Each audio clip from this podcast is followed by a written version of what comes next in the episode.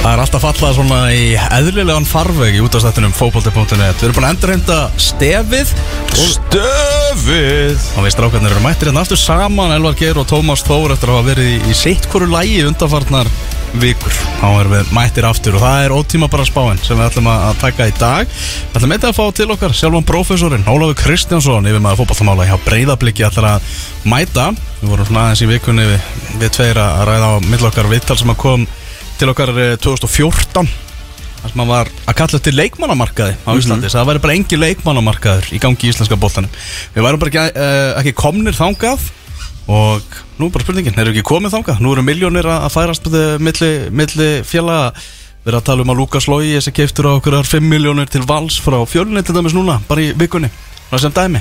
Já, og náttúrulega liðið sem að uh, Ólafur uh, Kristjánsson stýrir Náttúrulega fyrsta liðið til þess að uh, Það má segja að það hafi verið 20 miljóna Gróna hérna Kaup á, á Húnum Patrik Jóhannesson Bara, bara 20 í eintölu samt. Já, Ekki, ekki 20 miljóna heldur Einn 20 Já, nákvæmlega. Þannig að það eru alltaf það eru eitthvað miljónir að færast milli, milli handa í bestu dildinni Já, eitthvað sem að hann er mitt eins og segir hérna auðlist eftir fyrir uh, að vera nýju árum síðan og hérna ég man mitt uh, ég man eftir þessu viðtalið sem hann ég, ég tala líka ekkert og henni hvort það hefur bara verið sama ár kannski ég bara hermt þetta fréttinni á, á .net sem er enda mjög algengt. Já. að hérna Bara uh, velkomið. á stíðin tíma í, í fréttablaðinu og spjallaði mitt við, hérna, við hann uh, ummyndað þegar ég var hérna að byrja þar 2014 sko. Þannig að þetta er eitthvað sem á honum er einmitt uh, að var allan mjög hugleikið að, að vera með uh, félagaskipta markað þannig að það væru peningar að færast á milli, milli félaga og lið sem að vera að missa leikmenn eða fengjupening eins og til dæmis Keflavík og, og, hérna, og fleiri svona lið sem eru kannski talin minni í dag fá eitthvað fyrir leikmennina sína sem og náttúrulega stærri lið. Minna Víkingur var bara að selja Adam Ægi fyrir hérna einhverjar kortir í 5 miljonir uh, til vals líka sko. Þannig að svona aktífu félagskiptamarkaður ætti nú að gera bara fótboltan og fótbolta umhverfið okkar betra. Já, Óli náttúrulega komin enn meiri ringiðuna í svona málum núna sem Nákvæmlega. Yfir maður fótbolltamála hjá, hjá blikum Herðum við ætlum að fara svona yfir líka frétti vikunar í íslenska boltanum og gera það bara í tengslum við þessa ótímaböru spá. Við ætlum bara að fara að hefja leik í ótímaböru spáni fara frá 12. sæti og upp önnur ótímaböru spá þessa tímabils og svo munum við gera hlið þegar að Óli Kristjáns mætir hérna. Og svo bara höldum við áfram, það er ekki flókið. Nei, nákvæmlega. Heyrðu. Gerum bara sem við viljum. Við bara gerum það sem við viljum. Þannig virkar þetta Erum við byrjum bara á eh, 12. sætinu Neðsta sæti, hvaða liður í neðsta sæti Í ótum og bara spáni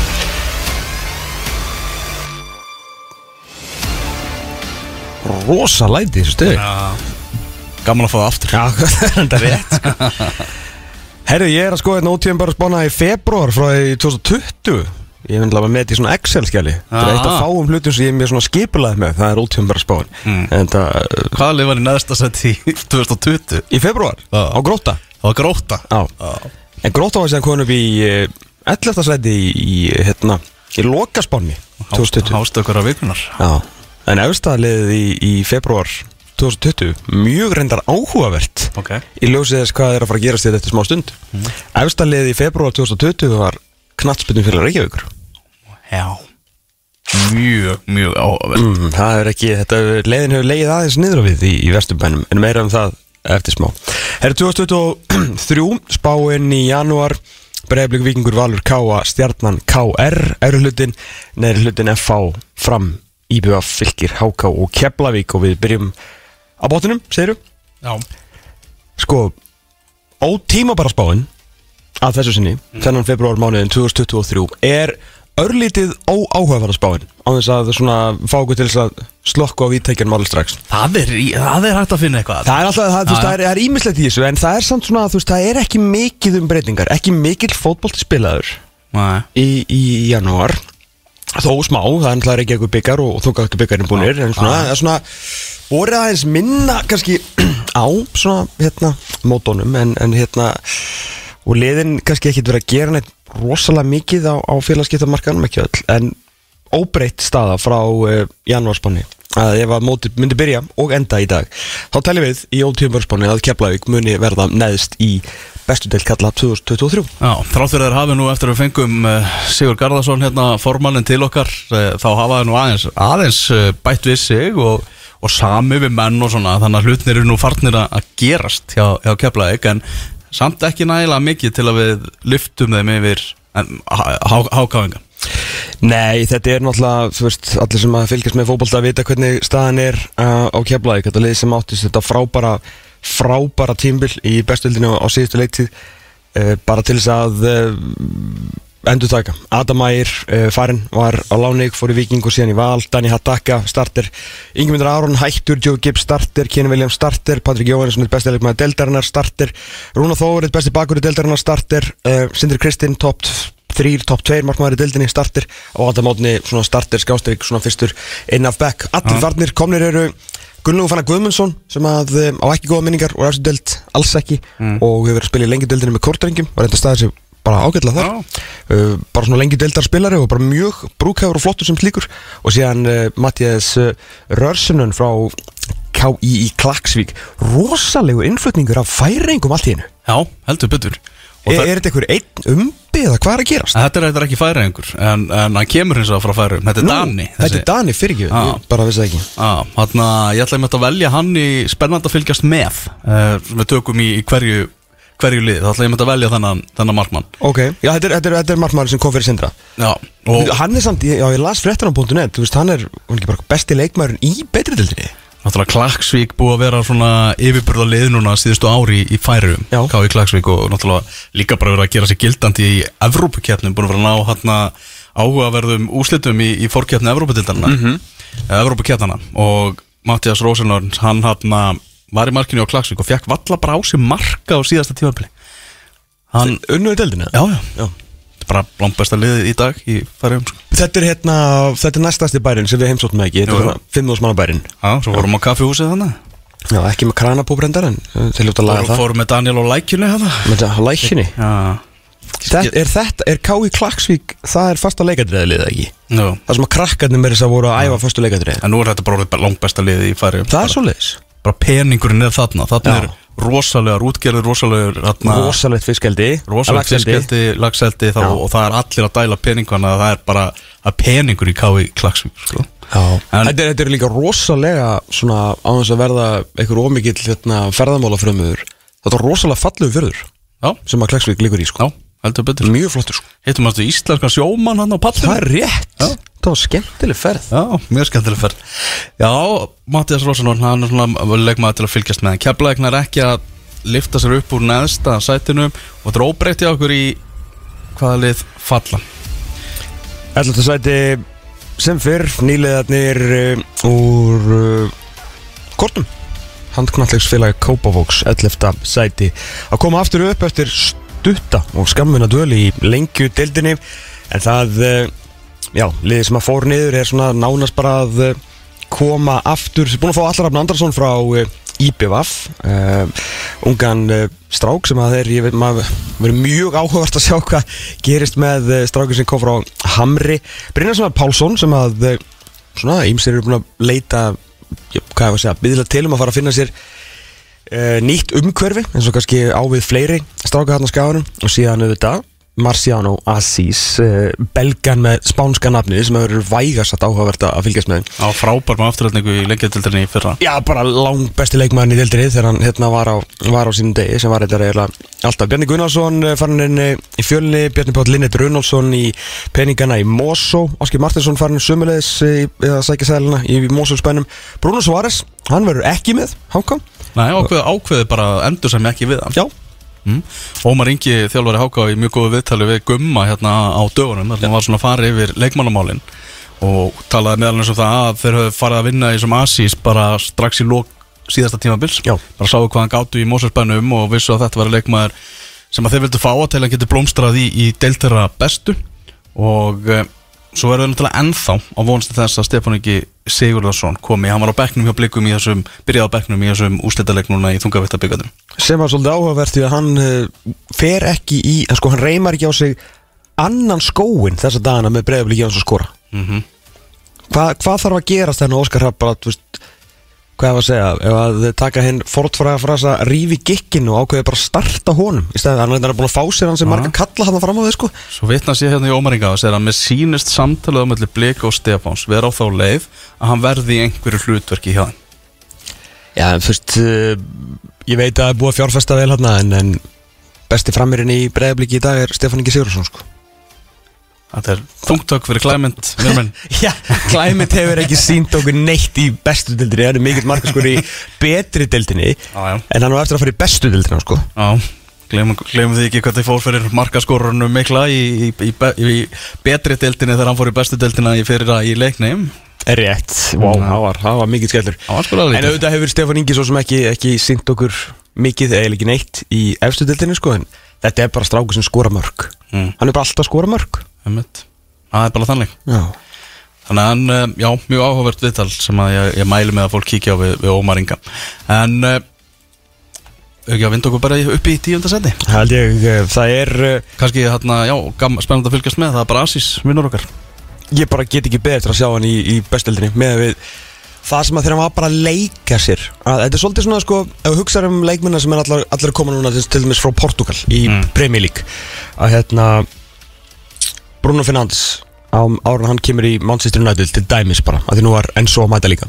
Uh, og stóð svona bara ágætlega að gera Bruno Fernandes árun hann kemur til Manchester United var með svo svakalega tölfræði að maður aldrei sé hann eins. Hann var að koma að sem sagt, með marki stóðsendingu eða leikilsendingu að marki sko held ég í hverjum einasta fótballleik sem hann spilaði fyrir, veist, á, ég held að vera meira ég held að vera nánast, nánast hann hefur komið einhverjum hætti að marki skilur í 0,8 af einum fótballleik skilur Mhm. Uh, þannig að maður hugsaði bara ok, þetta er rosalega tölfræði. Þú þarf samt að deila í þetta með tveimur til þremur þegar þú mætir í Premier League því að hún alltaf er tölvöld betri heldur en, heldur, en- heldur en svo portugalska. En þegar þú ert með svona tölfræði og sínur svona gæði þó að deildin sé lagari að þó þú klippir eitthvað svona x af að þú færi minni tíma og eftir betri deild með, hérna, með uh, betri anstæðinga þá er samt alltaf að fara að gera eitthvað. Þannig að maður vissi alltaf að Bruno Fernandes er í góðu skilur og, og fleiri leikmenn sem að eru með svona ævindilega tölfræði. Eini maðurinn sem að ég held að hafi svona algjörlega sem er undartegningi sem sannar regluna er Mattia Kjesman Já, svona gæði með svona sturlaða tölfræði sem að gæti síðan ekki neitt. Já. ég veit þetta er ekki Góður pubquizleikmaður í dag ekki Mattia Kjesman algjörlega, algjörlega. En það sem maður hugsaði með, með Asís er sko, maður fekk ekkert eitthvað þú veist, maður er ekki búin að sjá hann í mörg áriðna heima. En það sem maður sá á honum í Mósóikær, í fyrra segi ég, þetta var svo svakalegt sko. Já. þú veist, hann var bara fýblast hann Ég maður það Maggi var að Landonum sko. Það var hann að voru okkar spjallum hann.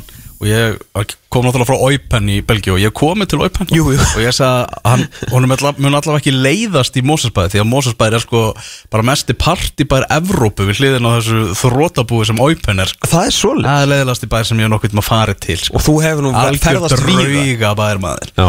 og þú varst náttúrulega í Metropolisinni Króli bara um daginn Já, sko. heldur betur, það er lífsins listi sendir maður, það vantar ekki Já, ég, ég skil vel og ég er mjög spennt fyrir að sjá Asís hann Þeir eru allan að ég ætla þetta sætinu Herru, ekki bara svona taka að því að lítið breyting líki 9 og 10 Þar eru í tíunda er hérna Eru fylgismenn? Já, uh, Nýlegarnir uh, í fylki koma aftur upp í, í þriðja sinn núna á hvað, hverjum 5 árum eða 6 árum eða eitthvað uh, Og þar beint fyrir ofan eru, er í þetta bandalag Vestmanneja Já, með fylgið og svona eftirminnasta mómenti er bara þetta viðtal sem Rúla Páll fór í hérna sem að sagði var ánægð með hópin og allt í fínu standi í orbanum og svo steinláði fyrir íjar um kvöldið í hérna á undirbúningstímabilinu. En hérna ég ákvað að taka með í, hafði spennand að fylgjast með. Þá þegar að taka Benedikt Darius bílabúð Benna búin að taka fjóruðdeldina, hann er búin að taka þriðudeldina aðradeldina, var frábær í lengjudeldin í fyrra með 14 mörg þegar hann fara að gera eitthvað hluti í deiltara bestu, það er bara já, það var bara efni í góða, góða heimildamind sko. Já sko, Reykjavíkubikarinn var ekkert sérstaklega samfærandi hjá fylki eins og segir því að uh, þeir, uh, maður hefði alveg vilja setja á kannski aðeins ofar, liftaði mig upp fyrir IBF eða eitthvað. En uh, þeir tapa fyrir Vikingi 1-2 sem að s- mér allan sagt að það geta verið starra þeir tapa eins og segir 3-0 fyrir IR sem að uh, ánum ekki gerast og vinna Káur sem er enda ekkert sérstaklega merkilegt á svona þessa dagana allavega. Það En það ekki, er- ekki til að gorta sig yfir allavega. Nei, alls ekki sko. En það er samt uh, Ég hef samt, eins og segi, meiri trú á þeim ennþá heldur en til dæmis HK og til þess að endur taka kannski það sem við sögum hérna í byrjunin á janúar að það er þessi, þessi og Albert er talað um það í Dóttarfótból um daginn. Þannig að það er verulega innvinklaður hérna Já, pössum að vitna vel, doktorfútbol Já, e, hérna uh, það sem að var einmitt að tala um svona, svip, svona vitnaði til þess svona bendi kannski á það sama og uh, uh, það sem ég var, var að tala um þá meina ég semst hann bara svona kannski ítt aðeins undir punktum með þessa ungu stráka. Þeir eru fá- fara allir þarna niður, fá allir fullt af leikjum. Uh, ég heyri að hann er mjög spenntur fyrir Ólfur Kristoffer í markinu og maður heyrist að hei- maður heyrir að hérna, það sem fleiri þar mm. sem mikil spenna fyrir Ólfur Kristoffer Helgarsson þessu 2002 mótil í, í markinu. Alltaf kemur hann inn í lið allt og snemma uh, í hitti fyrra hann var ekki góður. Uh, en núna bara þú veist þessir ungu er svo, það er svo margir kringum aldamótin hann Já, Þú veist, á fínum aldri, ætti að geta hlaupið veist, Rúna Páll með reynslu úr þessari deild og bara svona svo er líka alltaf maður veit að alltaf svigurum til þess að gera eitthvað þarna. En við höfum séð það alveg margótt að markverðir sem eru virkilega góðir í lengjudeldinni eru séðan alls ekkert sérstakir í deldinni það fyrir ofan. Nei, bara hvað með góður sko. Það hefur ansi, verið ansi, ansi algjörn talt um markverði það er náttúrulega kannski hvað stærsta frétti núna hjá eigamönnum að að Guy Smith, hann er eh, staðfestur og, og fær náttúrulega spila á móti uh, valsmönnum, þáttur að vera á láni frá þeim. Ælilega Það er svo skrítið að sparka mannum í burtu og segja bara, nei, herrðu, hann er okkur til að spila mot okkur en hann var að spila mot hinnum Þetta er því miður óalgengara heldur en hitt. Það er rétt, það er rétt. Það er frá þannig, félög eru meira í því að banna leikmennum að spila á, á móti sér sko. Já, En uh, annars svona, þú veist, þá er bara einhvern veginn lítið að frétta þannig að séð frá, frá vestmannum Þeir eru búin að vera að semja við leikmenn, þeir eru búin að vera að gera nýja samningu. Sem er reyndar alltaf svolítið stórt Já. hjá IBF Sérstaklega þegar maður held bara Jón Ingarsson til dæmis væri á förum. Já, Mitt, hann var búið að skrifa hann í burtu. Já, hann bara, þeir náðu að gera nýja samningu hann sem er virkilega vel gert og Tómas Bent og fleiri eitthvað að framleika mm Já, eh, fylgismenn eh, búnir að eh, fá, svo það sé staðfest Elisa Björnsson, komin nefn frá stjórnunni Emil Ásmundsson, staðfestu frá Káir Jón eh, Ívan Rivæn, mjög góður. Já, mjög góður, það er náttúrulega öflug lengi til það markmaður, en svona flottur gæði til þess að vera til að bakka upp uh, Óla. Og síðan Pétur Bjarnason frá, frá Vestra sem að getur verið X-faktor. Já, já, þú veist, síðan alltaf bara að maður gleymir þegar maður er búin að vera jafn lengi í svo við þá fattar maður ekki alltaf hvað menn eru gamli sko, er 97 mótil Mhm. Pétur Bjarnason fyrir mér einhvern veginn alltaf 12 ára sko. Já, hann á að vera búinn að taka þetta að skrifa að í Já, já, já, en, en þú veist, laka til að sjá hann sko.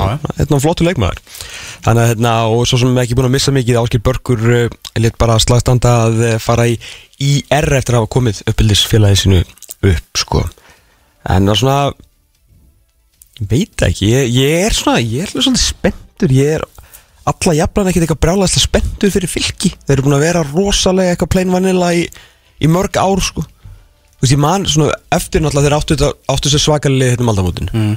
og voru Íslandsmeistar að hugleggingum og vinna tvo byggararni í röð og þvílíkt stóð af legöndum sem að spila þetta á sín tíma.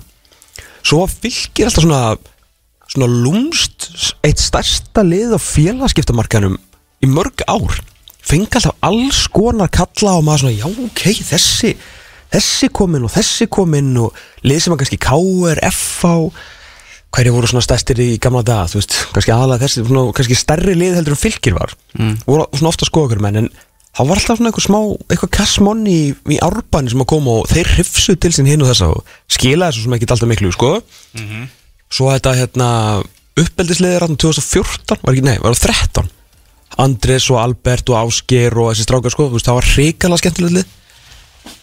Síðan þá, það er langt síðan að ég hef verið haft eitthvað svona, eitthvað smá swag fyrir fylgismennum en það er eitthvað við þess að við þetta unga lið sem að ég er svolítið spennt fyrir þess að Já, spurning hvort þið þurfu ekki marka skorra hins vegar.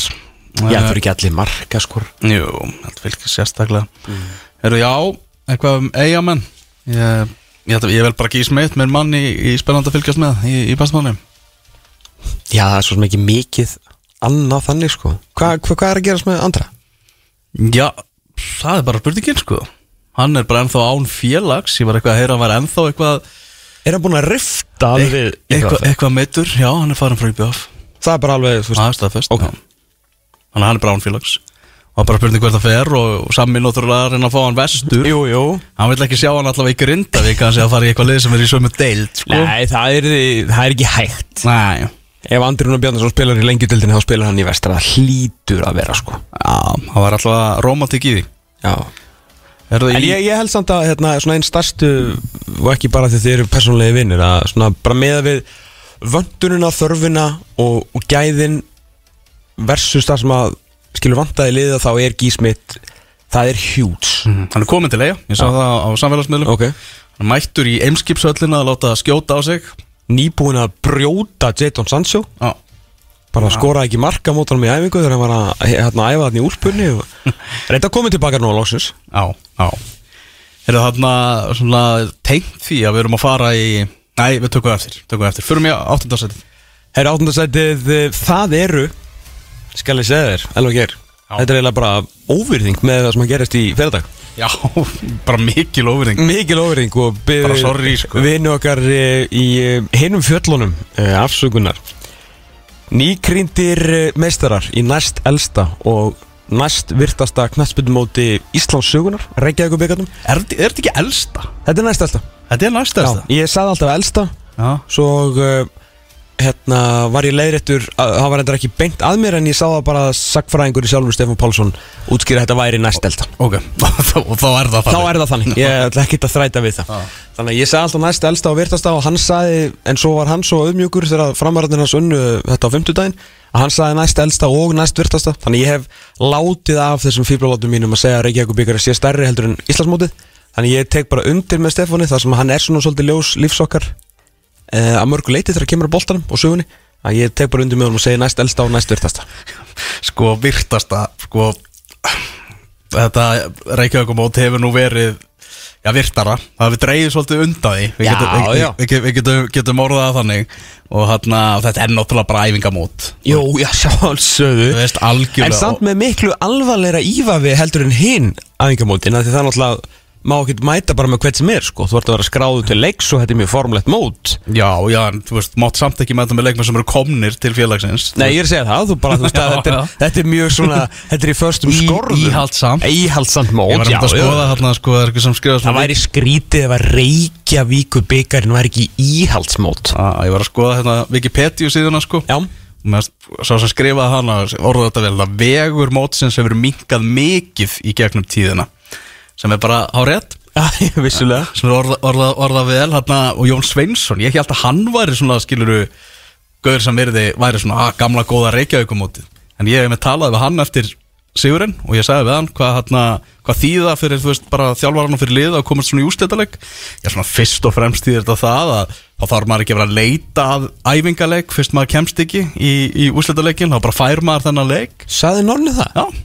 Búin að spila, búin að vera tengdur Reykjavíku byggarnum í, hvað, 40 ár? Já, Já, ég, þetta kann ég ekki með þetta. Ég kann að mynda Ég, þetta kann ég ekki með þetta. Ég er bara hreinskilin með það. Nonni er nýbúin að lifta byggarnum og hann bara, já, já það- er bara að sína Reykjavík byggarnum meiri, meiri veringu Herðu, hérna Hann talaði líka um það í vittalinu að, að framliðið væri á mun betri stað heldur en á sama tími fyrra sem, Ok. er, svo, sem er svo vissulega rétt Algjörlega að Við vorum að spáðum bara falli og neðsta sætt á þessum tíma í fyrra Við vorum eiginlega að spáða um 13. sæti í 12. delt Já, nánast, nánast Herru, þetta er bara bref uh, Mjög samíkislaust og geti pyrrað eitthvað hákáinga En uh, hér segir uh, einn af uh, brefskrifurum uh, þáttarins Varandi háká þá hef ég heyrt að þessu 10 til 11 leikmenn á mestralflokksaldri á æfingum í háká Veit ekki hvort það sé nýtt á nálinni Eða hvort það sé svipað og frá því í fyrra. Síðan, sérstu rauninu bara 10 til 11 mestralflokks og síðan er bara ungir menn með sko. Mm, Þeir eru enda með ansi góða unga leikmenn Reynda Þar getur við til dæmis nefndi eitt Karl Ágúst Karlsson Á. sem var að spila 2007 mótel Paldi ef að pappi hans hefði bara heitið Úlfur Karl Ágúst Úlsson Hvað það væri miklu skemmtilega Já, hann var náttúrulega að spila í lengjadildin í fyrra og það er, það er efni. Það er efni, það er efni. Já, En já, eins og sé, samíkjuslaust en gott bref og við fögnum öllum brefaskrifum og þökkum þessum kærlega fyrir. Já heldur betur. Þarna, Herri, á framvaldin í áttundasæti, Reykjavíkur mestarar uh, hérna hérna Viking 4-1 4-1 1-0 undir í háleik Svo skoruður hérna uh, fjögumörk í setni háleik Reynda svona úrstætti er, að síðust tvö er náttúrulega bara því að vikingarnir eru að jafna það ekki Já, og eitt er bara þegar Ingvar Jónsson er bara komin á hinn vallarhelmingin sko. já. Og, og Anna marki sem, hérna, mínum menn voru brálaðir yfir Hvað finnst þér? sko, ég hugsaði fyrst aukarspilna Já, uh, Þeir voru eitthvað að mótmælisu Arna Gunnlaugsson sagði í viðtalinu Mér fannst hann bara detta ok. Þannig að við trúum því bara. Ja, Algjörlega. En, Trú öllu sem Arna segir. Já, en Magnús Þórðarsson skoraði þarna uh, Tvö mörk í þessum leik Tvö fyrstu mörk framara Mhm. Ég held að sé óvægt að bara setja hann í spennandi að fylgjast með. Var svona að skoða tölfræðarnas í fyrra svona hvað hann sko, hafði skorað í fyrra. Það ég man að þið voru nokkuð mörg þið voru hann að bræðurnir, Haldur Jón Sigurður Þórðarsson og Magnús Þórðarsson voru að skora svona svipuðum tíma. Hefði ekki Magnús mátt fá eitt nafnið frá Haldur Jón Sigurði? Já, hann er, hann heitir hann Magnús Ingi. Já, þú veist, eitt í viðbútt, það er mátt það hann hann skoraði fjögumörk í fyrra. Já, og allt á mánar tímabilum minna að vera eitthvað Já hann átti svona hann átti frá miðjum júli til fram í miðjan ágúst. Bara nánast fjóri leikir þá í röð sko. En var ekki brósi að hérna, bróður hans þá líka, líka einmitt í ham. Þú veist, þeir voru hann að þorða sinnir þeir voru að dansa saman og voru saman í held ég bara liðu umferðarna, tvær umferðir í röð Já Þú veist, þetta eru vikingar já, já. Pabbi er E, náttúrulega e, er Maggi Víkingur? eða? Ha?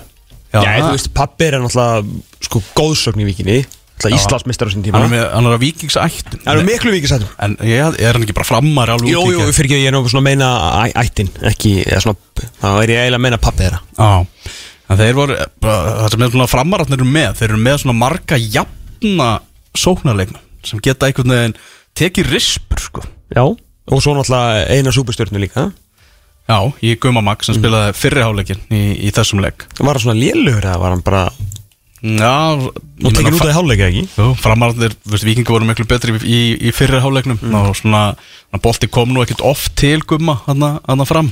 Nei. En- Og Arnar var bara ánægð með þetta Já, við komum inn það þegar við fjallum með viking Littla viðtalið með. Á eftir.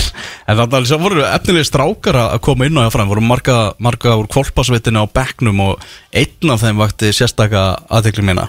Mm. Breki Baldursson, heitir hann 16 ára bjakkur Ok. 2006 mótel sem að skoraði eitthvað í, fyrr í, í mótinu. Og það er alveg ljóst að þetta er svona nafn til að leggja á, á minnið. Svona, virka svona sóknar miðju kant strákur Ok. Eh, Það meina eins og allir leikmenn heims í dag? Já, og allir, já, nokkala Hann er svona bara, bara ste, steiftur í Já, það það getur mót bara leist flest stöður þarna fram á þið Já, ég, veit, ég, ég veit ekki hvort við séum að fara að kynast um eitthvað mikið í sumar Nei, nei, En á en svona- komandi árum uh, eru 17 landslismæður, Breki Baldur hugsaður að hérna maður náttúrulega getur maður dyrfist ekki að fara að setja sig í einhverju spór einhverju aldna, aldina framara sem að hafa náttúrulega upplifað ímislegt, sé liðið sitt uh, vera best hérna á landinu, vinna titla sérstaklega enn í 80s uh, náttúrulega þvílitt sögufrækt félag uh, yngre vikingur en, en sögufrækt þetta, þetta dæmi að fara hann upp í fjöll Mm. ég skil alveg að þetta var þú sárt og þetta er svona eina þetta er svona svipað þessu í bandariskum íþróttum það er bara liðið er bara fært um skilur borg nema í, þessu, ski- eh, þú veist, í, hérna, í þessum skilningi bæjarfélag mm. En hvað þeir eru samt þú veist, ég held þeir hljótin alltaf núna með þessum nýja velli þessu gengi sumar, gengi undarfarna ára hvernig nonni er búin að rífa þetta upp og þessi ungu strákar sem eru mættir hérna heim í stjórnina að reyna að gera góða hlutu og hvað þú veist hvað þetta var mikið hvað þetta endaði með eftir alla þessa öll þessi ár af emd og reyfrildi verið ekki ekki bort og allt. Hvað þetta er að sanna sig sem geðveikt gæfuskref. Bara með yngsta, nýjasta, yngsta og mest spennandi hverfið í Reykjavík. Allt í hennu bara ungir framarar á færibandi, þetta er bara svo breyðablík Smá svekkjandi samt að hverfið verður ekki af stórt og fyrstu hugmyndir voru, voru uppum Nei, nei. Það átti að vera talsvert stærra og fleiri að, að, að búa þarna sko. Já, en þetta er tölum starra heldur en sko hverfið í kringum Savamýri. Já, ég, er alveg sammála því. Já. Þetta er já, gæfiskref algjörlega og þeir, og þeir eh, tóku þennan Reykjavík meistaratitil með náttúrulega Ragga Sig sem aðstofað Já. Raggi Sig ekki lengi að koma þarna og, og lyfta byggar Hvernig tók hann sig út í þjálfurúpunni? Herðu, sko, ég stóð þarna við þegar menn voru að ko koma þarna, fara af velli, sko. Og ég ekkert veginn svona, fattaði ekki að þetta væri Raggi. Það var svona í framúlpu. Þá ekkert veginn svona kveiki maður geta séð Raggi, sko. tengir ekki sko. En svo kom hann og heilsaði upp á mig og eitthvað. Ég bara, nau, já, auðvitað, Raggi maður. Ég gleymi því alltaf, bara svona, ég man eftir því að Raggi sé aðstofþjálfari fram og svo gleymi því svona fimm minútum setna Já. Maður þarf að venjast þessu. Algjörlega. Heyrðu, þarna, þannig að það, erum búin að fara yfir upp í áttunda seti Fjöllum eitthvað, tölum eitthvað aðeins meður fram á, á eftir Þeir komum eitthvað við sögu. En uh, Óli Kristján sem mættir í hús, tökum okkur smáli Áfram heldur út að státur í fótbolta.net Þennan laugadaginn og hingað er komin gestur þáttarins. Það er yfirmaður fótboltamála í Kópóðunum hjá Breiðabliki Ólafur Kristjánsson sem hingaði mættur. Blessaður Ólafur. Sælir. Herru, gaman að fá þig eh, eins og alltaf Óli. Eh, Takk fyrir að koma. Sko, þú hefur komið hérna margóft og oftar en ekki sem þjálfari uh, fótballtaliða uh, gegnum tíðina, hvort sem það hafi verið eh, hér að í símanum, hvort sem það verið þjálfa hérlendis eða erlendis. En núna, hvað, er þetta er árunnið frá svona komið í nýjasta runni, eða? Já, það er bara slétt ár. Það ekki? Jú, þetta verður Valentínus þetta í, í fyrra, ekki fjórstandi Það var eitt í hann í byrjun februari fyrra sem að sem að ég settist í, í hérna þennan stól Já, hvernig hérna svona rétt fyrir það sem að kannski lása ekki viðtölun á þeim tíma pælingin að fara í þann stól og bara út af fyrsta ár, hvernig verður þetta verið? Pælingin hjá mér eða almennt bara hjá félaginu? Nei, hjá þér Já, bara hjá alveg. mér Já, ég var, var hérna kannski ákunni tímamátum svona eftir að hafa verið í, í þjálfunni í hvað, yfir 20 ár bara, ba, bara að þjálfa eins og það kallast stundum og hérna heima og úti og, og, og síðasta, síðasta æfintýri var í Esbjörg og annar klúburinn sem að sem er seldur til ellendra ég er og, og maður einhvern veginn kerti brennur einhvern veginn í báða enda og Hver var hins að seldur á sam þegar þú var? ja, Nordsjöland á, á, á seldur. sín tíma 2000 og- 2016, 2015-16 og hérna ég tók mig góðan tíma ég var ekkert að gera frá því í mæ byrjun og, og, og þanga til februar og ég var bara svona að skoða minn, minn gang hugsa hvað ég vildi gera þegar ég er í stór. Og það voru einhverjir möguleikar á þjálfun um, sem ég skoðaði og aðri skoðu og, og svo einhvern veginn uh, já, og fór ég í samtal við við hérna breyðablík meðal annars hérna heima um, um þetta starf sem ég núna eftir að hafa svona kannski gert það upp um mig að, að ég var alveg tilbúin að taka mig smá frí frá þjálfunni Já. og kannski nýta mér reynsluna og þekkinguna og, og það sem ég hef séð frá, frá uh, hvað heinum megin borsins í, í, í félag sem ég þykir vendum Mhm. Ertu hérna einungis einungis, þetta mikið verkan bara mestaraflokkurinn eða ertu með klubbin svona ég, ég, ég, ég Alveg niður í börnin er ég meina. Já, já, það er náttúrulega einhvern, einhvern veginn að, forgangsræða og, og, og ég er með meistaraflokkana báða kalla og kvenna og, og kalla og kvenna starfið og stráka og stelpu starfið en, en síðan þarf auðvitað, þetta er stórt félag eins og margóftu hefur komið fram og það þarf að svona uh, finna í hvaða verkefna og einhenda sér. Og áherslan hefur kannski verið núna uh, þetta fyrsta ár, fyrstu, fyrstu mánuðin fóru bara í að koma inn í, inn í félagi þó sem ég þekkti það ágætlega. Að átta mig á stöðunni og, og svona setja, setja með stjórn og ráðum eh, einhvers konar plan.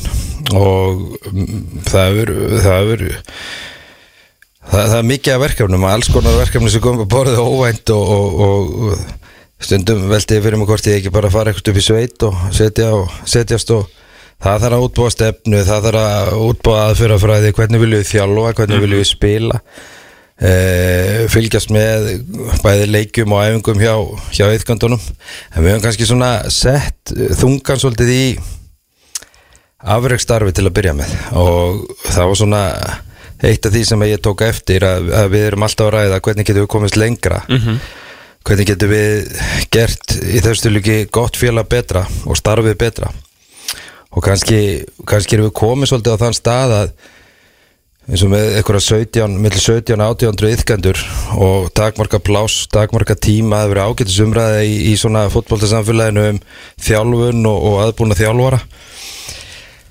Og, og fagna henni hvernig getum við bara hvernig getum við eld starfið þannig að við förum að nálgast þessi margfræður lönd í kringum okkur? Uh, mér finnst mér finnst meistaraflokkarnir kalla megin vera að sigla svolítið frá öðrum og þriðaflokki Hjá ykkur það bara já, vandamál, já, bara, bara, bara bíli, bíli breykar, það er erfiðara það, og það er ágætt að það sé erfitt að komast í meistaraflokk meistaraflokk já, í þessu líki breyðabliks en til þess að það verði ég sé ekki auðveldara en aðgengilegra þá þurfum við að, að efla starfið í öðrum og þriði á fjólaflokki til dæmis og auðvitað í grunninu, þar er það ágætt þar eru krakkarnir að koma inn og læra bara að vera í hóp og, og, og æfa og, og svona grunnatrið leiksins.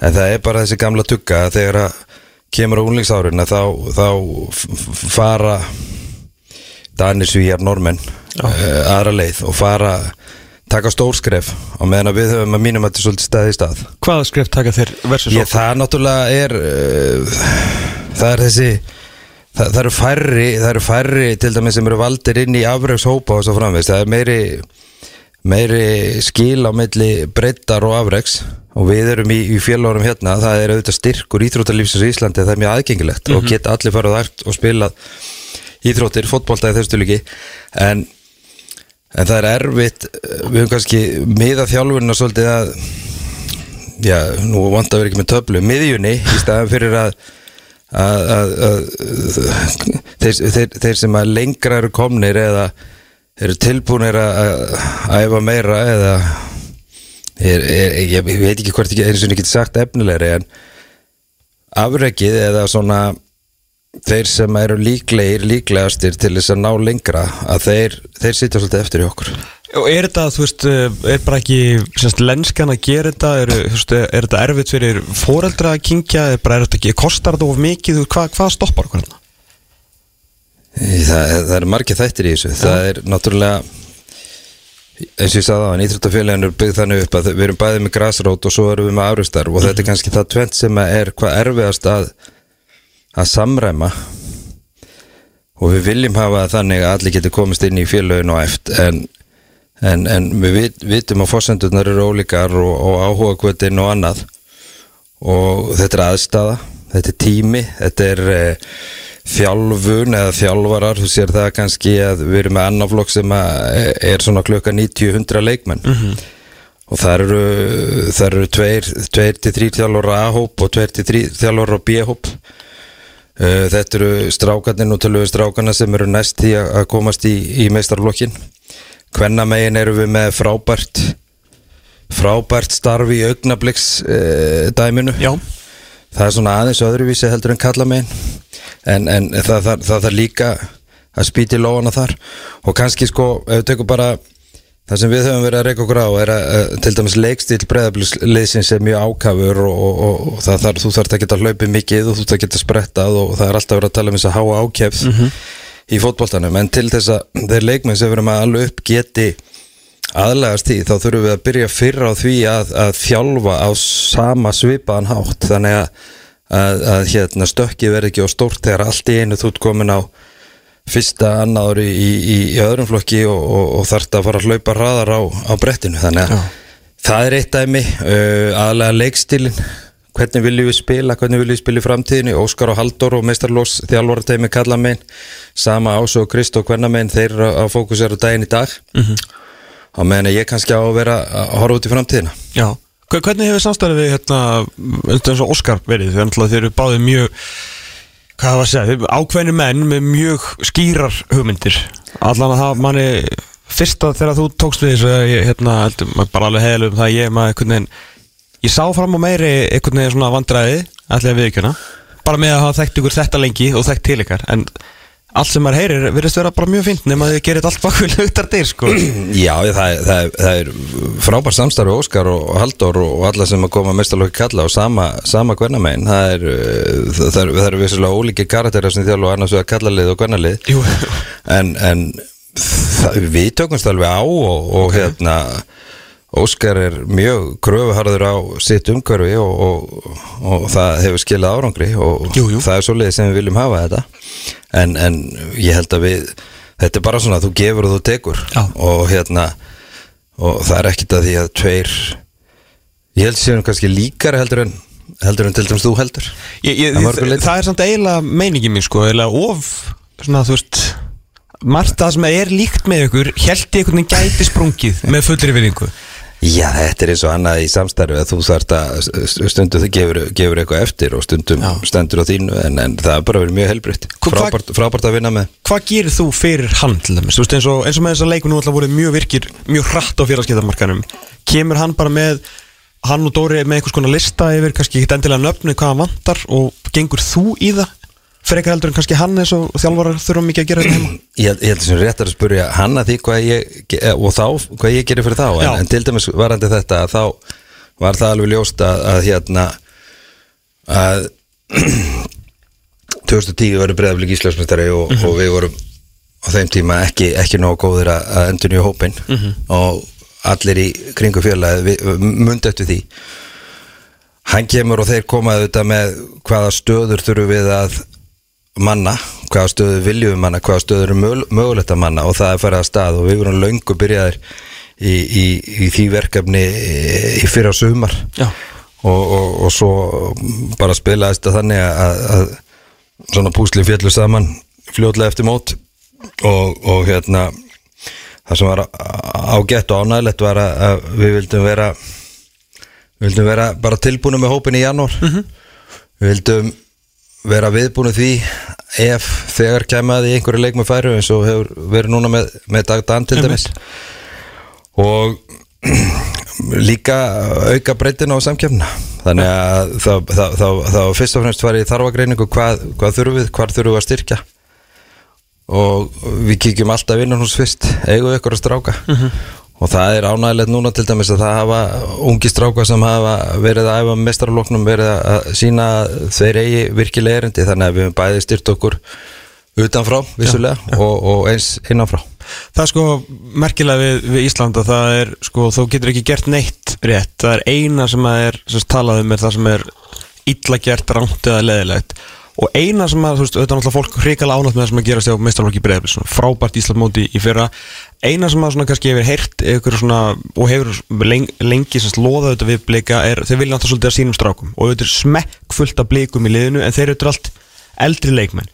Eina sem að hefur kannski vantað upp á ef þannig má orðið komast er að þessir ungu leikmenn kom, sérst, ungu blikarnir dettin gleymið því ekki að þeir fara alltaf margi hverjir 14, 15, 16 ára erlendi sko, en nú sér maður einmitt að, hérna, að fjálsteð og, og fleiri svona er að, er að fá mínútur. Hefur, er þetta svona eitthvað sem að umræða sem þú eru varfið að ég man eftir því þá varst Íslandsmeistar með liðið mm. manstu þá voru hérna, við leðum spurn, hérna, þú komst til okkar og þá voru lesendur að spyrja þig. Mm. og þá einmitt var hérna að vera að spyrja út í tvo leikilmenn sem að þú fest, ég gleymi svo svari aldrei. Þetta, þú, þá ég var, man hvað varst svona, hafðir miklu svona varst, hvað var að segja, meðvitaður um umræðina að tveira bestu mönnum var eitthvað sem þú fe fegst. Ingvar Kalli og, og Jökull Ingarsson Elisabethason að þú þyrti líka að vera með aðra leikmenn það snýrist ekki alltaf bara um að fylla liða við uppöldu leikmennum en þetta er samt eitthvað sem að skipti blikamáli sko. Já, ég held að skipta öll félamáli en, en það er ekki það er ekki það að þú sitt fættur í 200 eða 201 er ekki ávísun á það að þú eigir sætið og stöðu í mestarlúsliðinu Nei. en er það þá svona ákall um það þú veist þannig að uh, það, ef að segja trublið eða ykkur? sko, Nei, það, það, trub, það trublar ekki. Við, við viljum bara þessi leikmenn hverju svo sem þið, það eru að þeir, þeir verði nógu góður til að eiga möguleika á því að gera sig gildandi. Já. og svo, svo eins og staðin er núna þá er meistarflóðslið kalla geysilega stert. Mhm. og það er bara ánægilegt að það skulle vera erfitt að komast þar að. Uh, það er hérna það er uh, það, það er rétt hjá þér að það eru margir fættir 94 5 6 leikmenn uh, blikar. Uh, það eru þarna höskuldur Viktor Gísli 94 strákar og svo kolla kolli. Oliver Já, Ólífi 95 mm það, það má ekki gleyma því að, er, ve, Veistu hvað er margir breyðabliks leikmenn sem hafa farið í gegn fætti 1995 og setna mm. að spila eitthvað staðar annar staðar. Ég, það eru, eru átján. Já. Það eru átján sem eru að spila í eitthvað skona rættunumensku og svo eru nokkri sem eru að spila í öðrum, öðrum liðum í, í hérna deildinni hérna heima. Já, þannig að það er alveg ljóst að þegar það er fara svona margir og oft er þetta topparnir mm -hmm. yfirleitt er þetta topparnir sem fara að þá þurfum við að kíkja á það að þessir kannski sem að hafa verið nummið 2 og 3 og jafnvel 4 eða við getum sett upp ykkur kategóriur í, í flokkunum í gegn tíðina að það eru þeir kannski sem að enda sem leikmenn í meistarlokni á okkur og, og við, þurfum að, við þurfum að hlúa þjálfunni almennt. Ég held við fáum þá bæði betri toppa og líka betri leikmenn sem koma inn í, inn í liði hjá okkur. Pluss það að þegar þeir snúa svo heim að þá, þá leita þeir vonandi til, til breðabliks eða breðablika að þeim. Já. En það er þannig að við getum bara verið með 11 inn á hverju sinni og, og ákveðið marga í hóp. Jú, jú. Og, og ég held að það sé bara að holta þessi samkeppni, ég held að það sé bara að holta þessi erfitt. Þú, þú getur ekki bæði orðið Íslandsmyndstari þú getur ekki bæði vilji að vera á toppnum og, og svo uh, á sama tíma ætlast til að þessi auðvelt að koma að stað. Nei. Og það er, það er búið að klukka það er búið að klukka til dæmis ansi marga núna eftir, eftir mót, það eru margir að æfa með liðinu svona uh, að, að fá smjörþef uh, í, í, í, í fyrra sumar margir eftir mót, sumir hafa sumir hafa gert sig verulega gildandi aðrir eiga eitthvað í land og svo er það okkar og þjálfarana að, að hérna vinna þannig með leikmannum að það, þeir, þeir nálgist það. Er ekki breiðabliks liðið einmitt, kannski fyrra síðustu tvö ár og svona núna einmitt, eins og staðin er akkurat núna algjörlega bara svona myndin af því sem að breiðablik er og getur verið, þetta er alltaf hægt að gera þetta betra en eins og segir sko þið áttu það mikið af góðum leikmennum að nú eru þessi strákar sem eru búin að fara út og, og koma heim veist, og, hérna, og bara super leikmenn sem alltaf vinna titilinn fyrir ykkur síðan sko. svo eigið þið alltaf þessa ofurtoppa sem er að fara ungir erlendis, uh, landslismenn og svona, veist, þetta er þetta er alltaf svona einhvern veginn gegnum gangandi það er einhvern veginn blikar, allstaðar liðið er svolítið byggt á starfi fyrir ára og þeir reyna vantilega að, einmitt, að búa til fleiri leikmenn til þess að geta haldið ykkur. Já, já, já ekki, ekki spurning og, og það, það, sí- síðan verður bara tíminilega ljós hverjir spila hjá breyðabliki hverjir Jú, jú. fara elendis og hverjir fara í önnu fjölu og við erum alveg jafn stoltir af því að, að starfinu þó svo að sé ykkur að spila í, í vikingi eða vali eða, eða gáir eða, eða, eða hvar þeir eru. Og, og, og ég held líka að það sé bara gott að þessir svona sem hafa mynda kjarnan og, og, og við voru líki leikmenn í, í liðinu síðast sumar að þeir finni það líka að það séu aðri sem að pressi á þá. Það, það, það þú veist eh, complacency er eitthvað sem að þjálfarinn og þólir ekki og, og ég bara fagna því því að um leiðu fer að vera svona sattur og sáttur og, og ekki tilbúin að hérna taka næstu skref að þá, þá ert á vondu stað og, og þetta ítir við öll þannig að ég, ég vil svo sannarlega að þessir unguleikmenn þeir, þeir íti í eldri leikmenn. Og eldri leikmennu þurfu þá að steppu upp. Eldri leikmenni veiti yngri leikmennu skjól. Og svo er það bara þjálfarnas að velja 11 bestu hverju sinni. Nú er ég svona kannski stærstu fyrir þetta síðustu daga hafa verið þessi ungu strákar sem er að, er að koma heim mikið frá, frá Ítalju uh, við höfum oft rætt svo sem við þig en hefur eitthvað svona hefur skoðin eitthvað breyst eða mótast með tímunum á þessum að fara svona ungur út í þessar, þessar akademjur að þess að flestir verðast nú koma heim.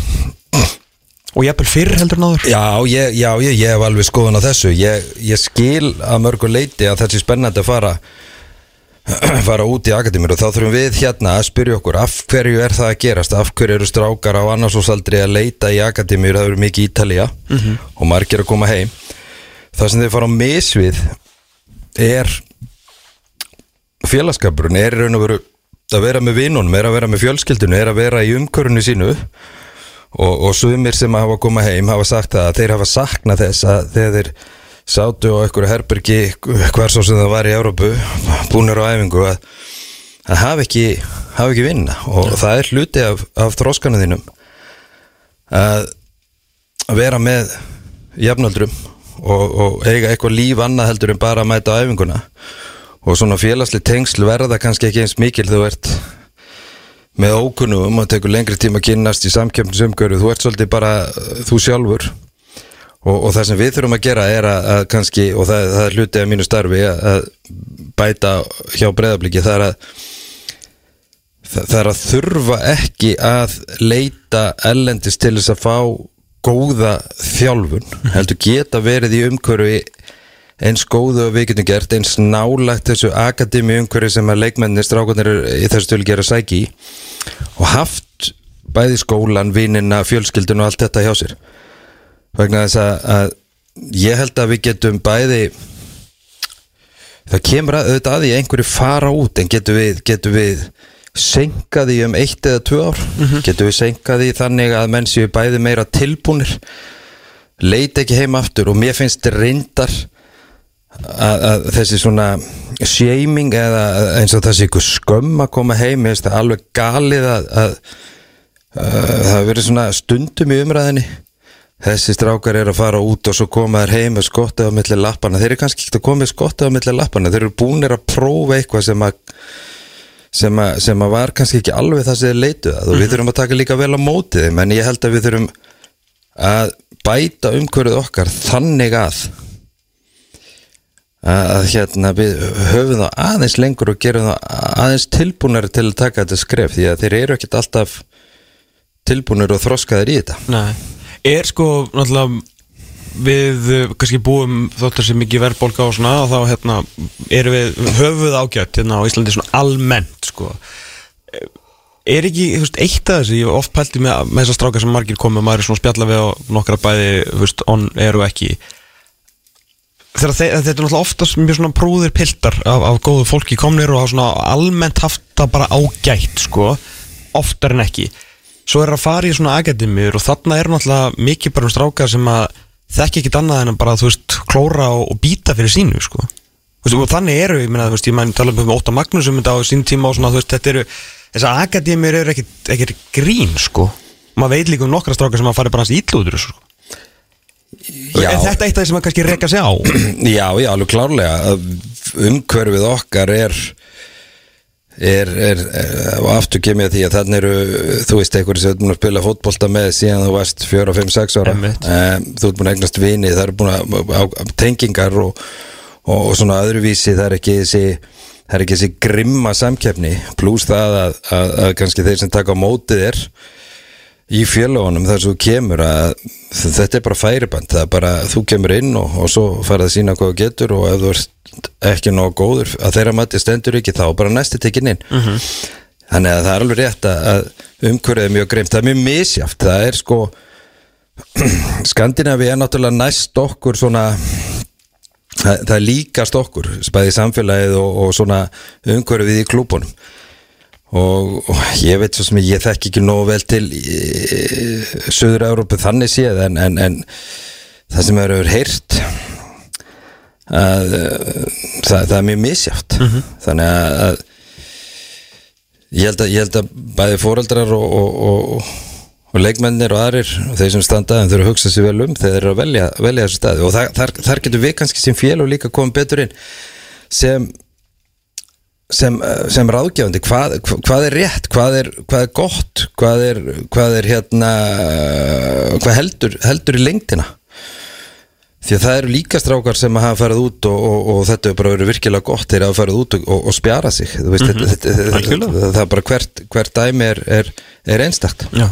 Svo er það bara svo- það sem er svolítið líka breyst við þetta er að uh, náttúrulega kannski fótboltinn aðeins breyst kannski líka kannski hjá kannski tveimur, þreimur fjöliðina heima þessi strákar sem að alla jafna komu oft heim kannski voru ekkit endilega að standa sig þegar heldur þeir eru komu og svo bara allt í, allt í góðu. En núna hafa þú veist allavega eins og bara hjá, hjá mínuliði eins og Ari Sigurpáls og Djurits og svona strákar bara staðið sig fanta vel nú einhvern veginn svona upplifum að það þú veist valsararnir er að fá okkur á 2-3 núna þú veist svona svolítið núna allir að leita í sömu púlíuna. Allt í einu svona myndast kannski smá pressa þú veist, á þá einhvern veginn. Nú, kannski mjög ósangjötn en það er einhvern veginn svona þessir hafa staðið sér vel þar og þá bara einhvern veginn búist við því að Oliver hjá Val verður bara eins og Stari Sigurbalsson sko. Það er ekki líka svolítið að passa þetta? Jú, jú uh, það er það er það er hérna það er ekkert víst að þeir leikmenn sem eru að koma heim eftir að verið í einhverju akademi eitt, eitt að hálft eða tvö ára þeir séu, þeir séu klárir í fullarinsfótbolta þó sem þeir hafa verið í akademi Nei. og hvort þeir hafa hvort þeir hefðu verið áfram í félaginu þá þurfa þeir bara að koma inn á þeim stað sem þeir eru og, og, og fá, fá þá þjálfun sem að sem að hendar, jú, pressa uh, ég, held, ég held að ég held að sé sko við erum að passa okkur líka á því að við vorum að tala um þetta svona, þetta seiming sko -hmm. og þá þurfa líka væntingarnar. Hva, hvar er við komandi stattur uh, það er það er stór munur á því að spila einhvern akademi í fótbolta ellendis og koma svo að spila í mestarlokki þrátt fyrir allt sko. Já.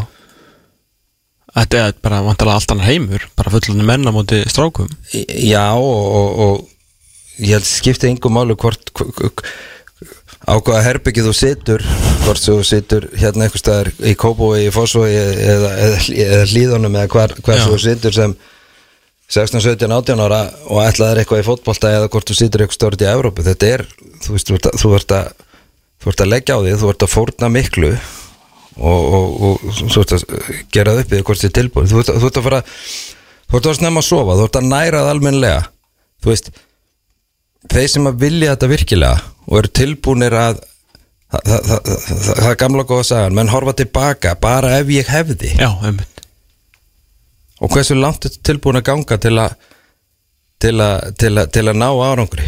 Mm. Til að þurfa aldrei að spyrja þessar spurningar. Nei sko, svo, svo var líka bara kúltúrin hvað það er ég, bara til að taka dæmi, ég var vitnastundum í það því að þeir leikmenn sem ég hafði unga, mjög unga í Nordsjælland á sínum tíma 2014-15 það eru leikmenn sem Mattias Jensen Emiliano Marcondes Markus Ingvarsen stráka sem að bæði hafa verið í Premier League Bundesliga og annað þegar maður horfið tilbaka hvernig þeir hugsa um, um sig, hvernig þeir afið og hvað þeir gerðu veist, þeir, þeir voru algjörlega dedikeraðar þessu og allt umhverfið í kringu þá sem sagt, hinn er í liðinu þjálfararnir þú veist það var rosalega fókus mm -hmm. en þeir voru líka að sína skólanu sínum Já.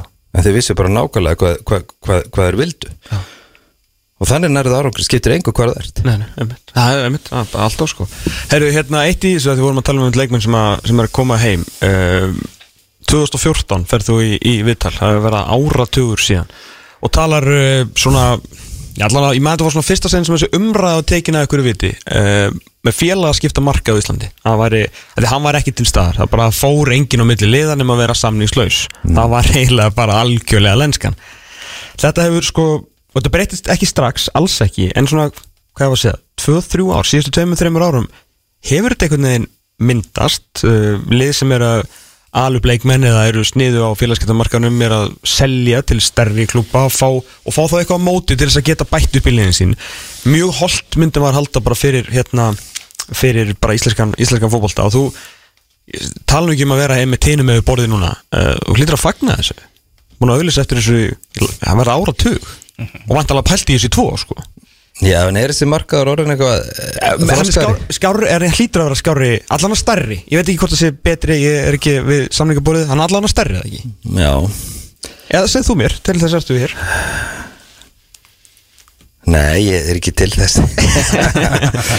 Nei, sko Jú, já, það, það hefur það, það, það hefur einhver skref verið tekin. Það eru það eru fleiri kannski svona félagaskipti sem eiga sér stað varandi leikmenn sem eru samningsbundnir og þá þarf, þarf að leysa þá eða kaupa til sín samningin eða samningsréttin eða hvað við köllum þetta. Þannig að það fari eitthvað greiðslur á milli félagana en einhvað síður sko það sem að það sem við erum ekki búin að ná hjá okkur sem að er og nú vísa ég aftur bara í Noreg, Svíþjóð, Danmörku það er að um, svona eitthvað, skilningur á því að á sama hátt og við erum einhver staðar í fæðikeðjunni varandi það að leik með hérðan fari í einhverjar deildir og svo takið skref og svo kolla kolli að þá, þá er það í öllu löndum og líka hjá okkur ætti að vera einhvers konar myndum að halda goggunaröð þú veist það er bara það, það, er, það er ekki algengt að leikmenn fari úr fyrstu deild í félag í efstu deild í bestu deildinni og svo þaðan eitthvað menn, menn þegar við erum að bera víðnar í einhverja já bara unga stráka sem er að spila í, í fyrstu deild þá er bara, þá kemur bara nei. Og uh, við, við erum ennþá þar. Síðan er, er, er, er einhver gulrót sett á borðið og það er bara nei. Um, við erum í óþroskaði þar. Við sjáum í Skandinavi að menn fara úr liðum sem eru neðarlega í, í efstu deildum og í lið sem eru ofar. Við sjáum menn fara úr liðum í deildunum fyrir neðan og taka eitthvað skref. En við erum ennþá rosalega einangraði bara hver í raun og veru fyrir sig að halda utan um sitt og þá komum við líka því að þegar við erum að selja leikmenn ellendis að þá erum við að sömuleiti held ég búinir að pissa svolítið í skóun okkar því að félögin úti þau, þau segja, þau, þau sjá það að hér er hægt að koma og fá leikmenn fyrir ekki neitt. Þannig að einhvers konar verðmæta sköpun verð, mynd, hækkun á þessu verði sem að við erum að fá fyrir leikmenn þegar þeir eru seldir ellendis hún hefur staðið rosalega mikið í stað. Vi, vi, við erum svolítið að eðilegja mögulegan okkar á því að við erum freka tilbúinur að nánast gefa menn út.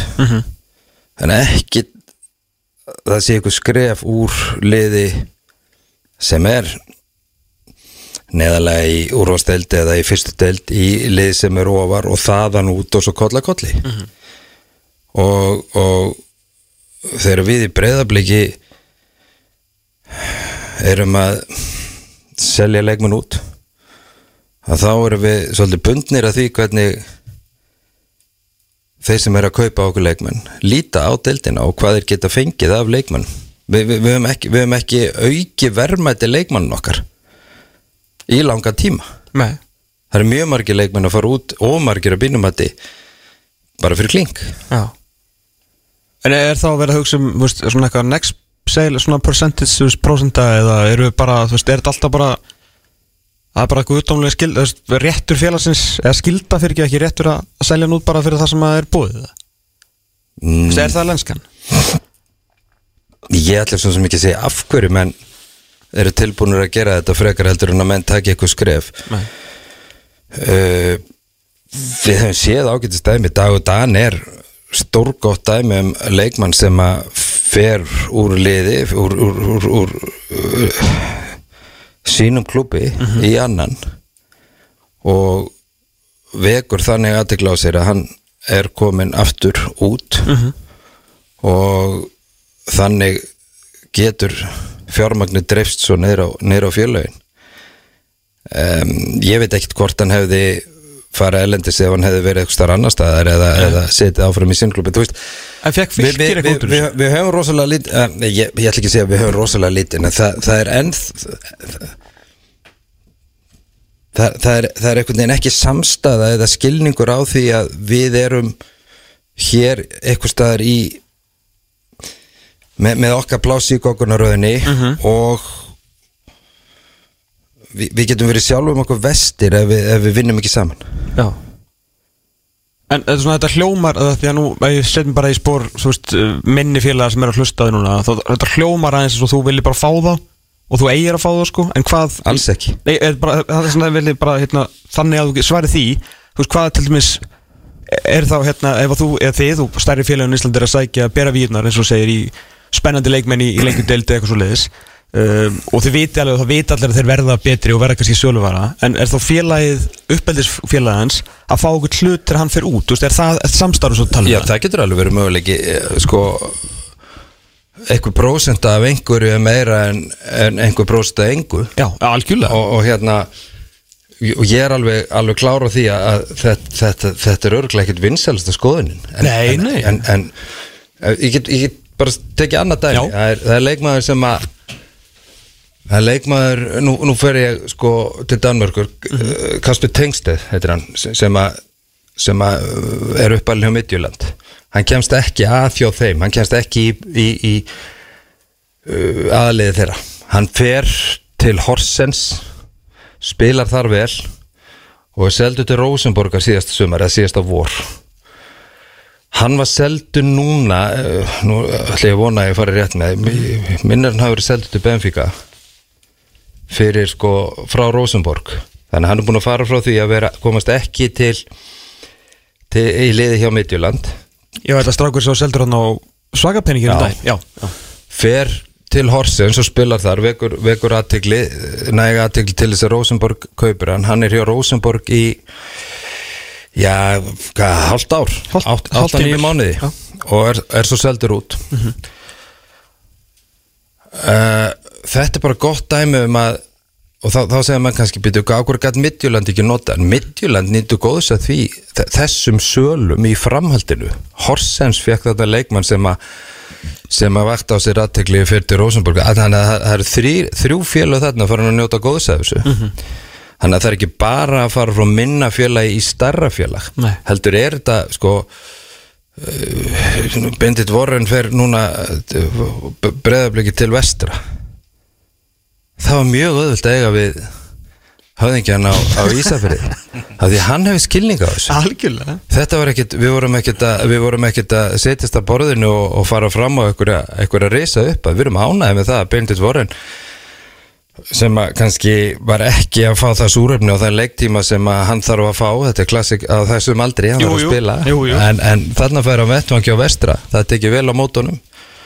Þeir, þeir eh, eru tilbúinir að, að hérna greiði eitthvað fyrir hann og, og vonandi stendur hann sér bara vel. Og við erum stoltir af því að hann sé að spila uh, komið til með að spila hjá vestra. Þannig að það, er, það er ekki bara frá þessu minni til hennar stærri, Nei, þetta, er- þetta er í allar áttir, Allar áttir, og, og ef að við erum að falast eftir einhverju leikmanni frá liði sem er neðar í töflunni og, og, og það félag kemur svo og falast eftir einhverju leikmanni hjá okkur þá er að vera eitthvað jafnvægi í því. Já, auðvitað. Það er ekki bara að setja hátt verð þegar við erum að óska eftir einhverju leikmannu frá hinnum þegar þeir vilja fá leikmann frá okkur þá erum við bara eitthvað staðar allt annar staðar í hérna verðmatinu. Þannig að þetta, þetta e- ef við eigum eitthvað fótbolta hagkerfi Já. þá þarf að vera einhver þá þarf að vera eitthvað, eitthvað, eitthvað það þarf að vera reasonable. Einmitt. og það er það ekki í dag. Nei, skilji Þannig að það er kannski þróskin sem við höfum ennþá eftir að Það er þróskin sem við menn þetta að ná. Já. og það kemur svo líka því að þegar að við erum að selja hvort sem eru ungi leikmenn eða eldri leikmenn ellendis að þá erum við ennþá að hjakkast í tölun sem við vorum að hjakkast í fyrir einhverjum sko 10-15 ára síðan Mhm. og við, okkur hefur ekki tekist að, að og, og bara til að til að taka hennar samanbörð aftur Mhm. með hennan tengsteð að, að verðin sem að er verið að selja frá Nóri, Svíþjóð og Danmörku Mhm. er, eru sko margvalt, margvalt það sem við erum að setja Já, hlutvarslega líka miklu herri sko Já, en auðvitað eru launagreiðslur og, og, og peningur umferð og alls og leys en við, við erum að tala um að okkur langi til að komast lengri í Evrópi, við viljum gera hitt og þetta komast í reyðlakeppni það kostar allt pening, Já, fullt af benningum tíma, vinnu, aðstöðu. Þannig að við, við, við, erum við erum stíð eitthvað skref en við, við erum ennþá við erum ennþá langt, langt, langt á eftir Já, maður, maður svona einmitt Þegar þú segir þetta sko að því við höfum oft talað um þetta allir í sínu hotni sko Þetta kemur, nú að því að nú er árstingið eftir þrjár vikur sko Og þá náttúrulega eins og þú veist skilur við það er bara þeir, þeir sem eru fastir í lengjudeld Þeir vilja helst sko átánliða eftir deld Og þú veist það er allir bara að hugsa um sig sko. Já, já. Það er svona, eðlilega, ég meina þú ert alltaf að hugsa um þinn klúb En já, þetta er svona, þetta er því uh, gamla góða sagan að það er einhvern veginn allir að Og eðlilega kannski passa upp á sig sko En okkur vantar að stíga vantar þetta eins og segir Þetta skref til þess að vera aðeins meira saman í þessu. Já, já. til að taka þá skref áfram sem fótbolta þjóð F- bara, bara til að vera ekki alveg fastur í fótballtana þá var frábær ráðning uh, loksins hjá til dæmis íþróttasambandinu. Með viðstein að ráða Viðstein Hafstensson Já, rosalega. þetta er eitthvað sem þau þurfti að gera fyrir sko 10-15 ára síðan. Hún, var svo, ok, hún var svo stór sko að ráþæran helt fundin sko. Já já gekk. það, það, veist, það, þannig er allavega að vera stíga skref til, í áttina því að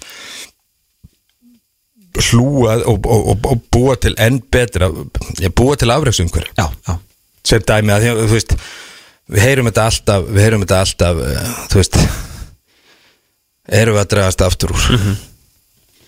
Svo, svo á góðum stundum að þá finnst, finnst okkur við að vera heimsins best. Jú, það er eins og það er. Bara rétt að lokumóli þegar þú situr inn á skrifstofu eða kannski búið með daginn og er svona að horfa út og sérð Óskar, þú veist, í Copa Mundial að góla okkur að menna því að sendingi fór út af henni ekki og rétt að mann hugsaði djöfull saknaði þess að standa þann og öskar aðeins á þessu aðpaketti eða ertu bara góður að fara heim klúna 5 hvernig sem eða skilur bara í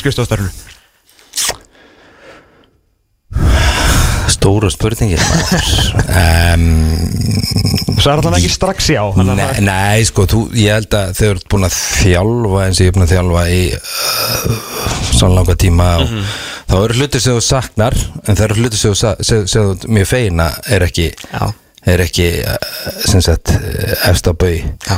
ég hef ekki þetta ég hef ekki þetta ég, hvað segi, ég fann það í fyrra sömar til dæmis sko, það var leikur, ef það er leikur á sunnudegi eitthvað, þá var ég ekki með í maganum uh, út af uh, e- einhverjum undirbúningi og klippandi og, og, og, og svona spái hvernig, hvernig maður ætti að gera hlutina. Það ég, sa- ég allavega allavega var ágætt að vera laus í það en svo, svo eru aðri hluti sem eru náttúrulega geggjaðir við það að vera í þjálfun. Þannig að það eru, það eru kostur og gallar við, við, við hvort tvekja ég passa mig á því að verða ekki of mikið, hérna skrifstóðdýr og of mikið á, á, á, á, á bakvið skrifborið sko. Og svo er þetta bara svipað með þetta eins og með þjálfun að þú, þú fer ekkit heim og, og lokar og, og, og hættir að hugsa um þetta. Þetta er þetta er eitthvað sem er alltaf, alltaf á sveimi. Þegar að mála núna þá, þá er ég að í einhverju sko. En að það, það er kannski bara eitthvað sem að maður hefur bara tilengað sér eftir að verið svona lengi, lengi í þessu. En, en ég er allavega þokkalega sáttur við hlutskipti núna. Það er gott.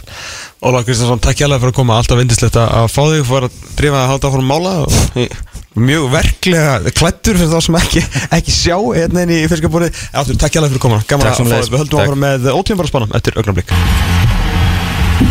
Það held ég, útráttinu fótbollabúðuna heldur áfram. Það markalust í háleik í hátæðisleiknum í anska boltanum. Everton Arsenal og það er líf og fjör í Everton liðinu, getið sagt ykkur.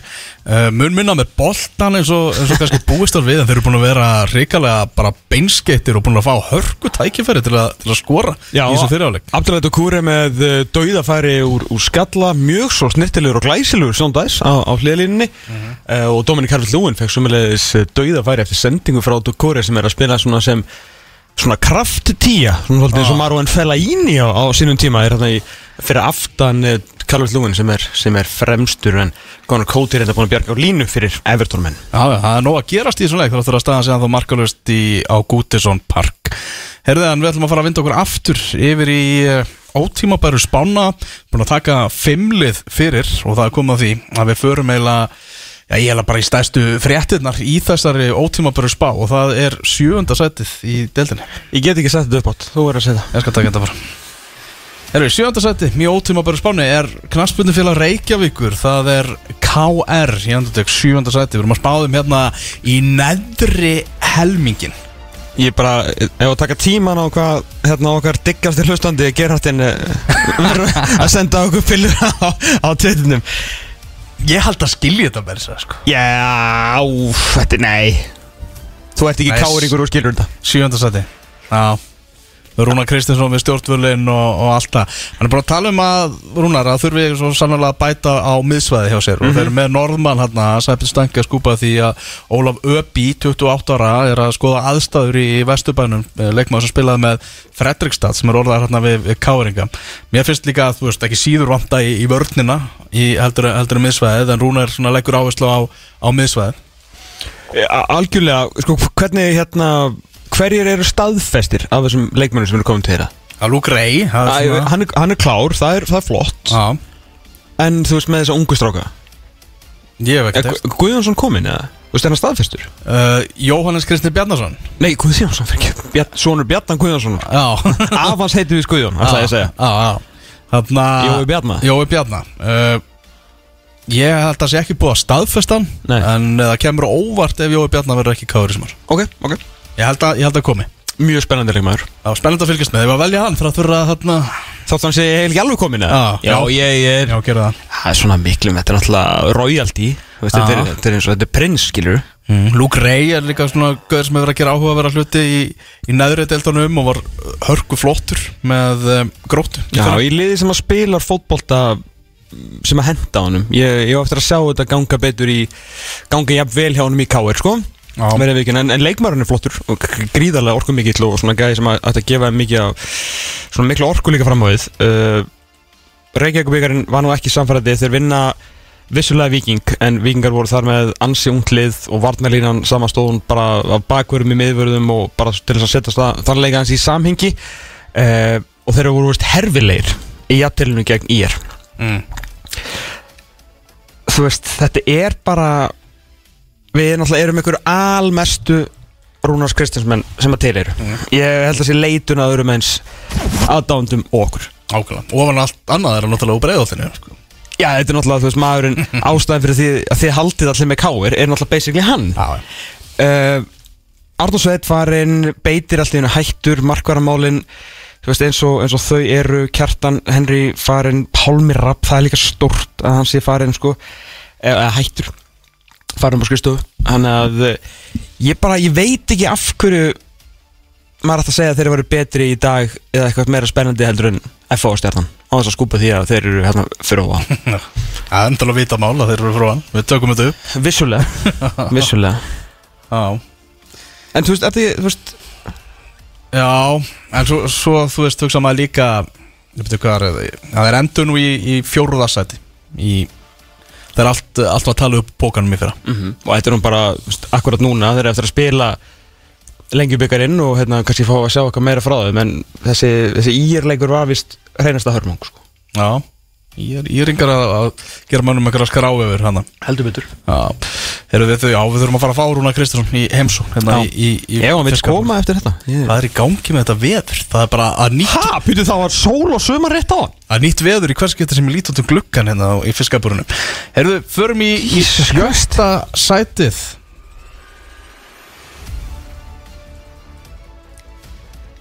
Herru, sjötta setið uh, Ég var um að fá skilabóð um hvað væri vont viður Sama tíma og þú sagðir þetta. Herru, það er uh, breytingin svo og þetta lið fer úr fymta seti niður í það sjötta. Uh, Það er samt aðalega að því að liðið sem fór upp í fymta hoppar um tvö seti Þannig að þetta tengist þeim ekkert mikið en það er uh, stjarnan og Garðabæ. Já. Uh, Ég finnst alltaf, náttúrulega hverju einasta ári sem að stjarnar sé eitt mesta spurningamerki í þessu mótum bara spám Það lið sem er svona svo erfiðast að setja puttana Algjörlega, sérstaklega það sem að leikmennir sér að fá eru Andri Adolfsson sem er að koma tilbaka eftir meðsli við vitum svona að það er góður. Uh, Það er eitthvað, það er eitthvað vesum með markmannamálinn hefðum núna ekki. En Halli er meittur Átnisnæri mættur. Átnisnær er mættur. Uh, verðum senkt saðir miklu aðdándur hans. Mm. uh, en það er alltaf bara ekki mjög góður í að verja drengur en, en kemur bara málun ekki við. Hann er í einu starfi og hann er, hefur ekki verið sérstaklega góður í. Uh, Gummi Kristjáns verið slagur hjá FH uh, í mörg ár að mínu mati og ég tek ekki und- bara hlusta ekki á það, það annar toppdrengur en hefur ekki staðið sér vel í sínu starfi undarfarn ár. Uh, Heiðar Æðisson komin heim Joey Gibbs, ég, ég er spennt fyrir því ég ætla líka að hendi þeim ágætlega. En svona þú veist kemur ekkert óvart þegar myndu enda skilur fjóru-fimm einhvern veginn að þau veist annars skrif og gleymu því ekki. Gamla góða kleysin alvar hann er bara og nýr leikmaður Hilmar Átni Haldursson Já, spennandi að fylgjast með, það er bara endurkoman í honum. Endur koma hóns Hvernig er staðan á, á Breiðalt Messi? Já, bara, hún er bara fín. Er hann að æfa og spila þú veist á fullu eða hvert er hann komin í þessu? Ég er nú ekki alveg búin að kíkja á, á skýslunar alveg þeim, ekki ennþá náða að sjá þetta stjórnulið sem að, na, ég veit það ekki. Nei. En hvað tala ekkert við hann eða? Við, það var í viðtali bara um daginn. Já. Þú veist, og fyrir, fyrir einhverju síðan. Hann er bara veist, á endurkomu. Já, ok. Hann verður með í sumar. Hlakka til. Veist, já. Hlakka til Já, það er hérna Þetta er bara eins og segir Þetta er, þetta er eiginlega spurningamerki En gleymi því ekki Ástarsamband ársins 2022 Valið í áramóndakefinni Gústi og, og Jökull Reynda að stýja þeim í sundur í fjölmjölum Gekk ekki Ástin sigrar allt Og uh, þeir halda áfram.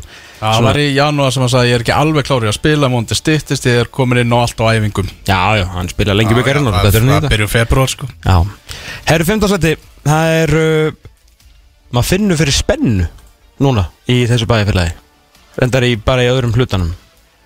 Fimmleika félag hafnaferðar sko, Upp um tvö seti Eh, Hást okkar í vikunar sko varðandi þessa spennu það þurfa að fá samt svolítið að munum því að þeir unnu lengjubikarin á síðast tímabili sem er bara síðasta mótið áður en alvaran hefst. Já þeir unnu uh, Annað tveimur langbæstu liðum landsins. Þá Ég veit að Káa endaði síðan í öðru seti eh, Hvað voru Sex dagar í mót eða eitthvað Já. Þeir eru vinna það Dæmi Og svo falla þeir Í gamla tímatalinu. Já, já, voru fallsæti þegar tvískiptingin hófst. Já.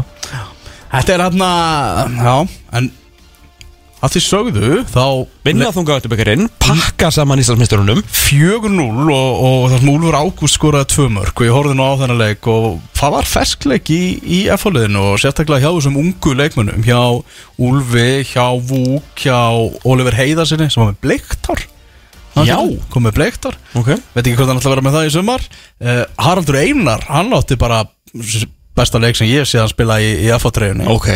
Alveg klálega, það var allir virkilega virkilega sprækir og það var svona, voru virðast eins og séu svona feskir vindar aðeins með, með heimi Guðjónssoni ja, Algjörlega, ég er bara, þú veist eða spennandi að fylgjast með eða bara heimir frekar heldur en nokkur leikmaður sko. þó ég sé þetta mjög spenntu fyrir Úlfi þegar hérna, ég talaði mitt við hans fyrrum þjálfara í gær sem að uh, fagnaði því verulega að hann hefði skorað tumörk í þessu leik því hann er mikill aðdáðandi Eðismári Guðjónsson og hérna finnst það með svona skemmtilega á þess að uh, nota þetta orðið í neinum neikvæðan tilgangi bara svona skemmtilega einfaldur leikmaður. Mm. bara, hérna, bara kraftmikill strákur sem að skora mörg Ég hugsaði bara þegar ég sá Kjartan Henry kom inn og um þetta í þessum úslitaleg þungavita byggasins ef Kjartan Henry er að geta ganga á því vísu að vera í byrjunliðinu í þessu liði með, með Úlf í svona stuði. Nei, ég held sé bara ekki til umræðu. Ég held að Úlfur, ef að Úlfur heldur svona áfram á spilunum þá startar hann þetta mót. Já, það getur ekki hann að verið Þannig að hérna, já ég hérna, Já, ég, ég er spenntu Ég er aðalega spenntu fyrir endurkomu heimis en, en Úlfur er líka leikmaður sem ég er, er spenntu fyrir sko. Alltaf líka gaman þegar menn fara standa sig vel á láni í neðri deildum koma og sína þeir geti gert þetta í eftir til skilur Mhm. ég, ég, alltaf, Við erum alltaf fíla þannig sko. Mhm. En það er alltaf, þú veist, það er smá, maður finnur fyrir gleði í hafnafyrir, við erum ekki verið í svolítið tíma. Já, nákvæmlega, þeir eru búin að kaupa miðvörð og svona og, Loksins. Já, Þannig að það er alveg, alveg stór tíðindi. Og það er, já, en vissulega voru þeir gýraðir, eins og segi, fyrir þegar tímabili fór á stað í, í fyrra. Rétt. Já, þannig að sjáum, sjáum hvernig þetta þróast allt saman. F er allavega í fymta seti í þessari spá. Förum yfir í fjóra setið Förum norður, ég held að segja þetta er ófært norður En förum það samt. Knarspundufélag uh, Akureyrar. Í fjórðarsæti í janúarspáni fjórðarsæti í uh, februarspáni Svona nýja tímar en samt ekki hjá kámanum eins og uh, allir vita. Uh, Þjálfarinn farin en uh, maður sem að stýri því raun og veru halvu tímbil fyrir Hallgrimur Jónasson stýrir þessi núna erum búin að fá Birgi Baldursson heim frá leikni úr láni Harley Willard sem að skipti úr þorpunu yfir á, yfir á brekkuna og svo eins og lenskanir í bestu dildin í dag Já, fekku hálfa kippu af færingum búin að fá Ingimar Torbjörnsson frá Stöle, frá Viking uh, Kristoffer Förgat Pólsen frá Viking uh, og Petur Pettersson já.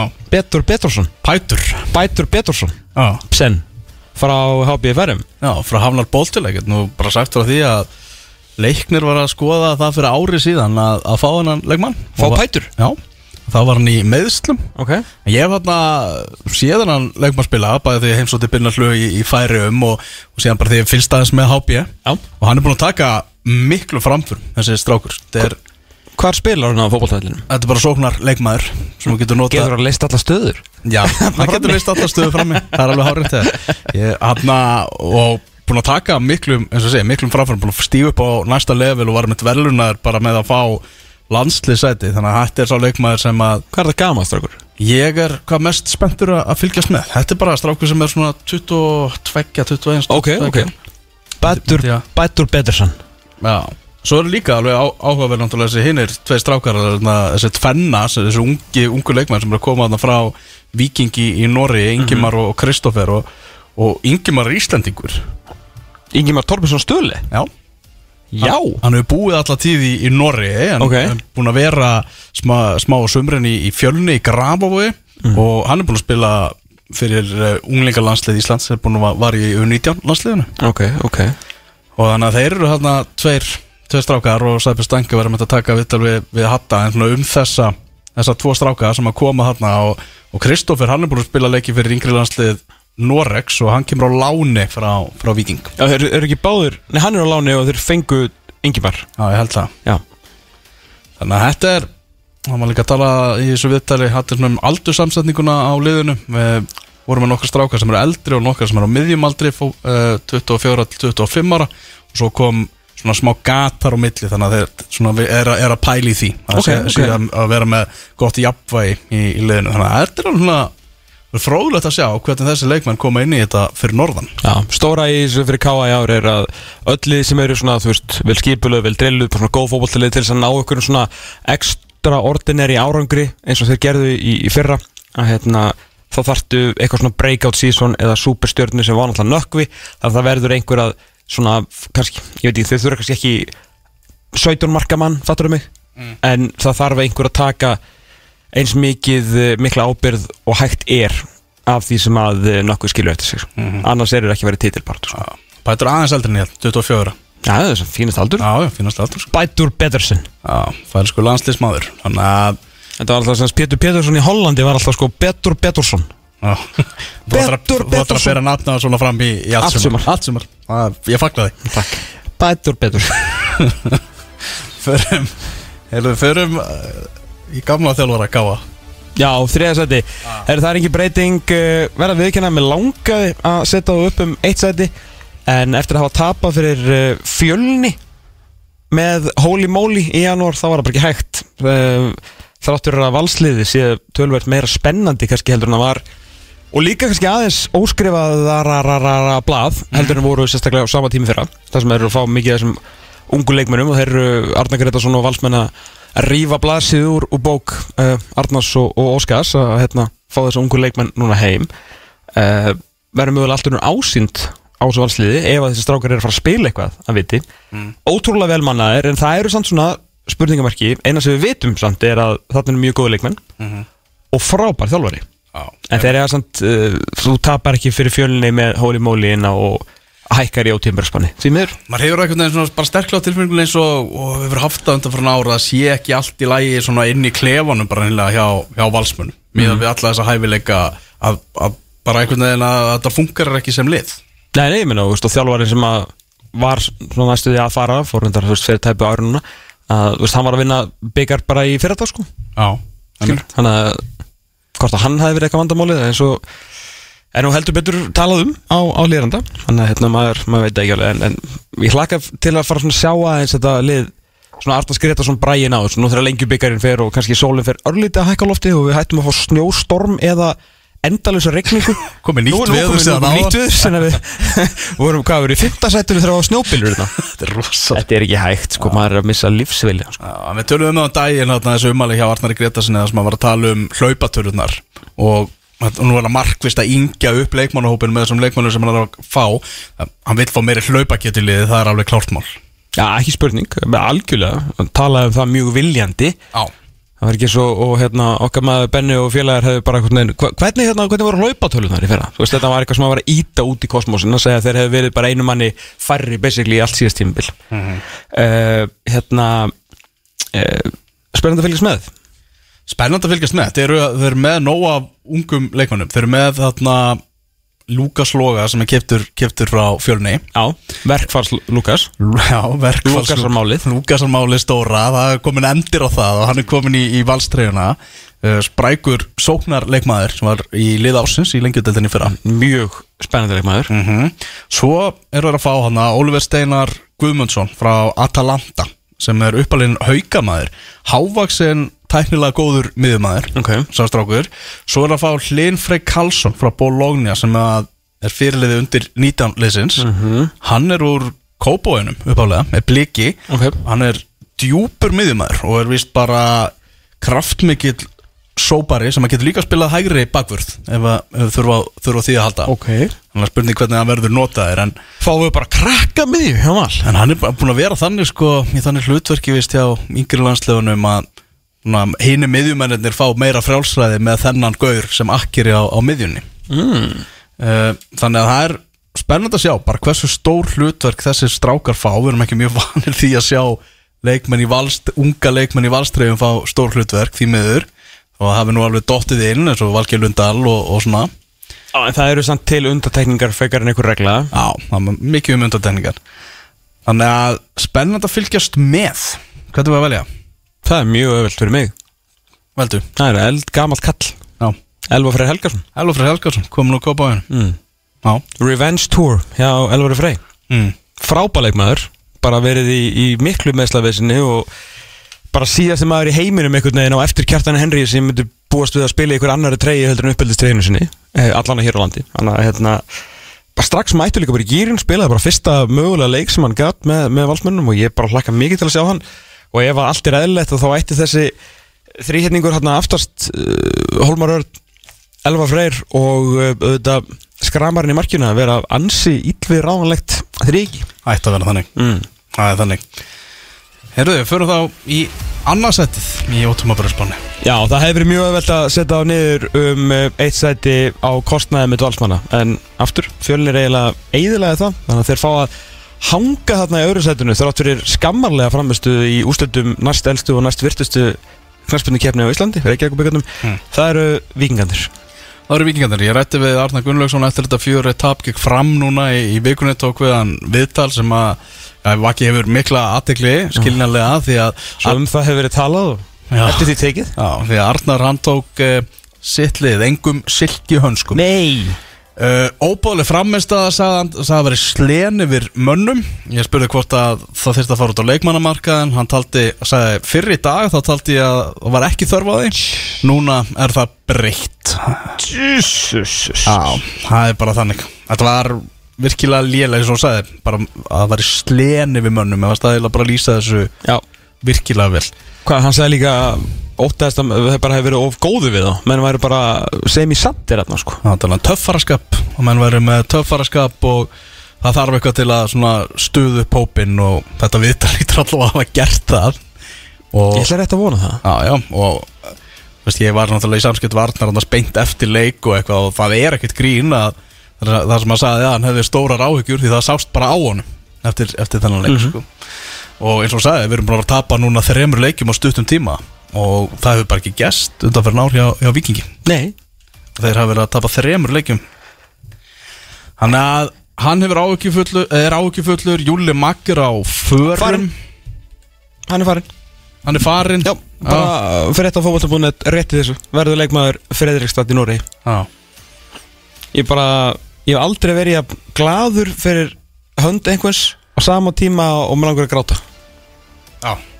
Þetta er stærsta skarðið sem að nokkulið í bestildinni er að missa Já. En svo er bara er eins og- Arnar saði í vittarinu líka Sæði blikar eru búin að lenda í þessu Þeir eru náttúrulega voru að missa dag Dan um, um daginn Jú, jú, en hann var í eitt tímabil sko Já.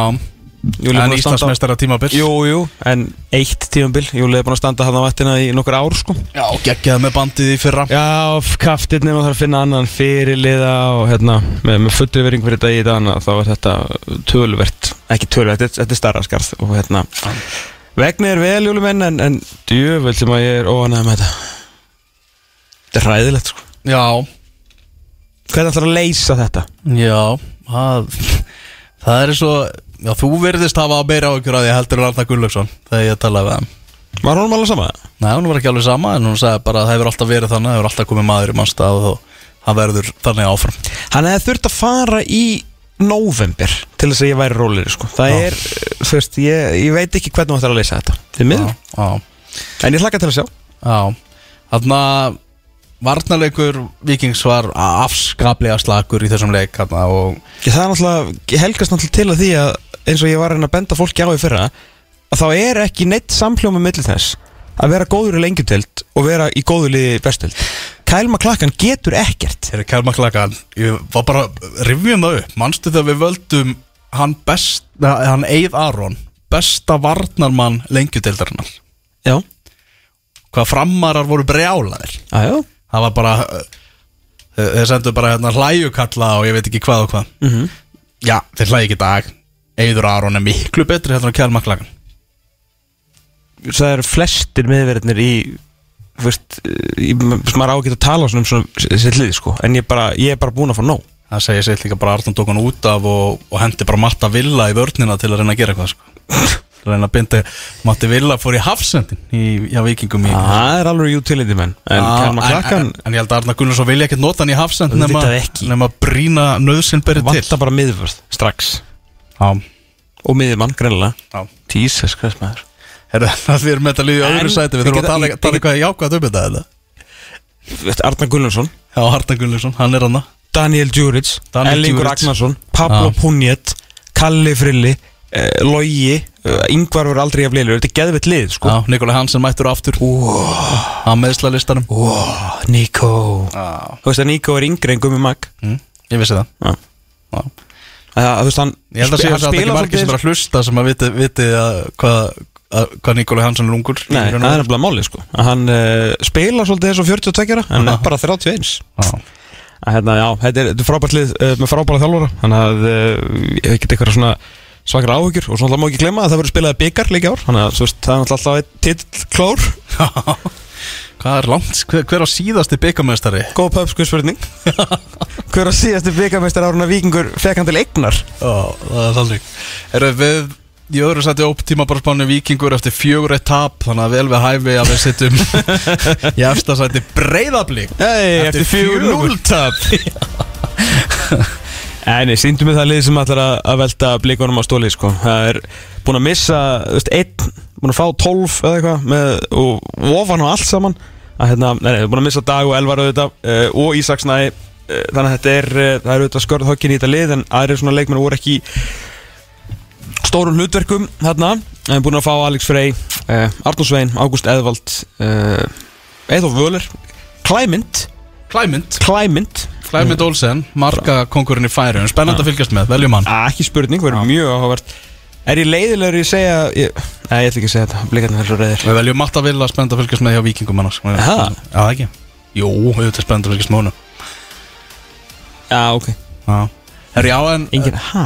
en ég skoða þetta Ég vil ekki velja Gilla. Ég held að Gilli starti, sko Gilli Þorkels. En svo er náttúrulega alltaf gaman að horfa á DTD, Djúrit, sko.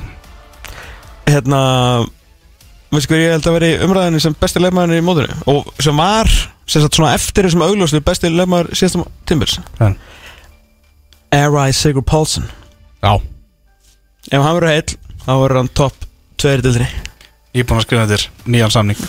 Herru, áður við fyrir maður með Það er breyðablik fótboltamark. Þá er Everton komið yfir á móti Arsenal. James Tarkovski að gera skora það sem hann með gerir skalla. þegar Sean Dice Þjálfvaran Hversu mikið við hæfi er þetta að Sean Dice er tekið við stjórn, stjórnvölunum og það er Tarkovski sem er að skora? Með skalla. Já. Var þetta fastleikað þér eða? Já, þetta var hot bara sinni Yes. Sean Dice maður. 61 mínúta búin, Everton 1 topplið Arsenal 0 Sitt í á morgun gegn uh, spurunum.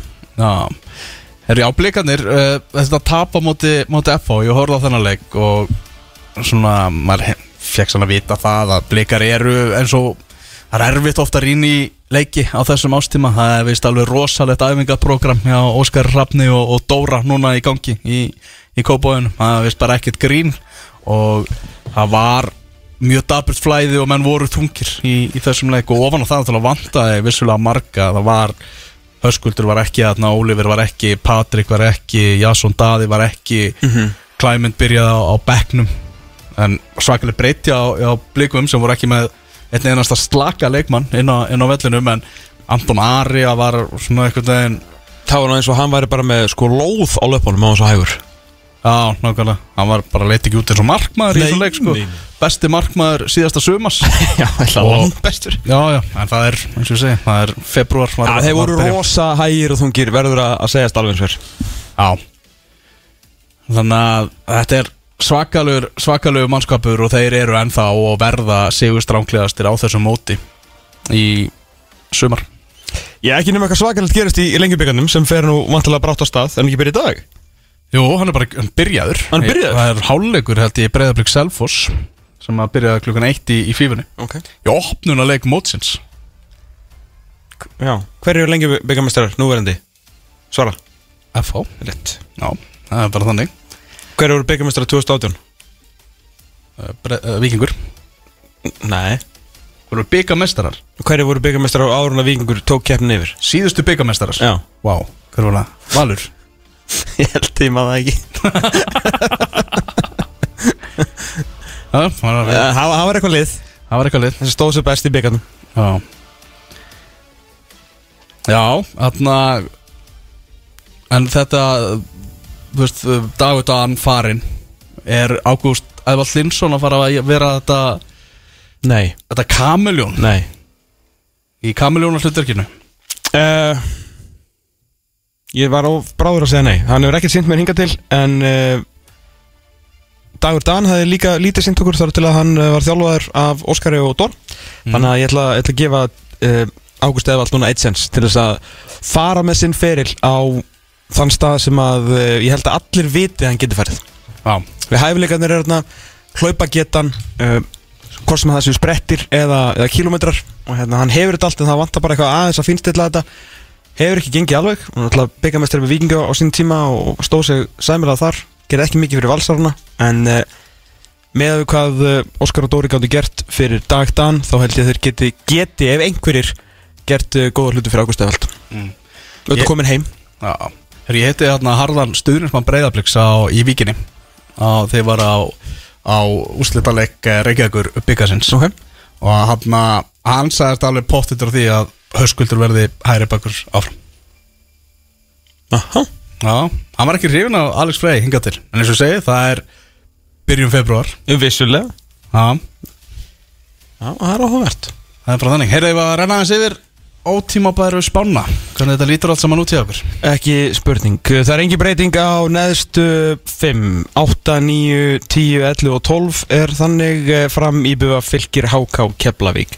Stórufrætnar KR er í fórsetabikarsætinu því sjöunda. KR uh, fyrir neyður um tvösæti Stjarnan fellur um 1 og er í sjötta. FH fyrir upp um 2 og úr sjöunda í fymta KA Valur, Víkingur og Breiðablík í sömu sætum og í januar K.A. fjórða, Valur þriðja, Víkingur öðru og blikarnir Íslandsmestarar ef mótið myndi byrja og enda í dag mm. Segir, það er ekki mikið um breytingar á eh, listanum á ótímabæru spáni en stóru fréttina klárlega það er að F að stökkva þarna upp um tvö sæti og gera verkum að káringar komnir í, í neðri hlutan Það verður áhugavert að sjá þetta, nú fyrir við að sjá aðeins svona meiri prísisson bolta, fórum að sjá lengjubikar að fara á stað og svona hérna sveitinnar aðeins að mótast, leikmenn sem eru að koma heim eða að fara að spila núna eftir, uh, hvað er ekki, vikuna, tver vikur í það, það er bara tíu dagar cirka, ég þeir verði lögleir, þeir sem eru að koma að utan, þannig að þá fyrir við að fá aðeins betri mynd á hvað er að gerast hjá liðunum.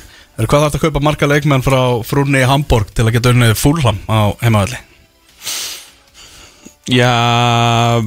fúlham? Já, ég myndi halda þurftir að eða svona, svona 750 miljonum punta. Mikið svekkjalsi fyrir, fyrir Chelsea menn og nú bara þrengist ólinn á Graham Potter lítur að, að vera. Þvílík pressa á, á manninum. Þetta er svakarett Jafntefli við Fulham. Fulham er þetta frábæri sko. Já, ekki, við erum ekki að lítið Fulham En liðið þeirra er ögn ódýrara heldur en Chelsea liði já. Marko Silva að gera þar virkilega góða hluti. Stanley ennþá 1-0 fyrir Everton á móti Arsenal, Arsenal svona eitthvað að reyna að búa þarna til en, en þeir eru þjættir strákarnir að sjóndæs Já, þetta eru, getur verið stór úslit uh, City á, á morgunu það uh, og svona, það er svona að fá eitthvað út úr þessu leik 15. februar, elvar miðugutaskvöldið, hvað gerist þá? Þá mætast uh, Arsenal og City Hárétt Já. hárétt Áverustuð Háverstöð Eitthvað meiri í þessu? Ég held að uh, Erum við ekki að fara að lýsa báður? bankin sé tæmdur Við erum báðir að fara að lýsa Fara í sitt kvot gasklefan og hafa það gaman. Úr fiskabúrunu Herra við fórum með Rótímbur spána í dag og vorum með Ólaf Helga Kristjánsson. Þó ekki kokkin á Brassi Kásnes heldur prófessorinn sjálfan, fótbolta yfirmann fótboltamála. Hjá breyðabliki og fyrrum og vantala verðandi einhvern mann setna mér uh, eitt besta þjálfara sem við höfum uh, alið á okkur sem þjóð. Það var svona undirstaðan í þessum þætti. Við þökkum kærlega fyrir uh, að hlusta að vanda, hvort sem þetta hlusta á þetta núna hvort þú ætti að taka þetta í einhverju símtæki, göngutúr eða jafnvel uppvaskið. Já, eða hlusta á þetta setna Já, hlusta á þetta setna og hérna, ef þú ert núna eitthvað starf út að ganga með hundin þá hérna, bara byrja vel að lifa. Já, ef þú ert ekki að hlusta þá bara setjum við samt hverju á þig. Já, ekki spurning. En við allan að vera minn aftur eftir 6 daga og 28 tíma. Þá er til, verið sæl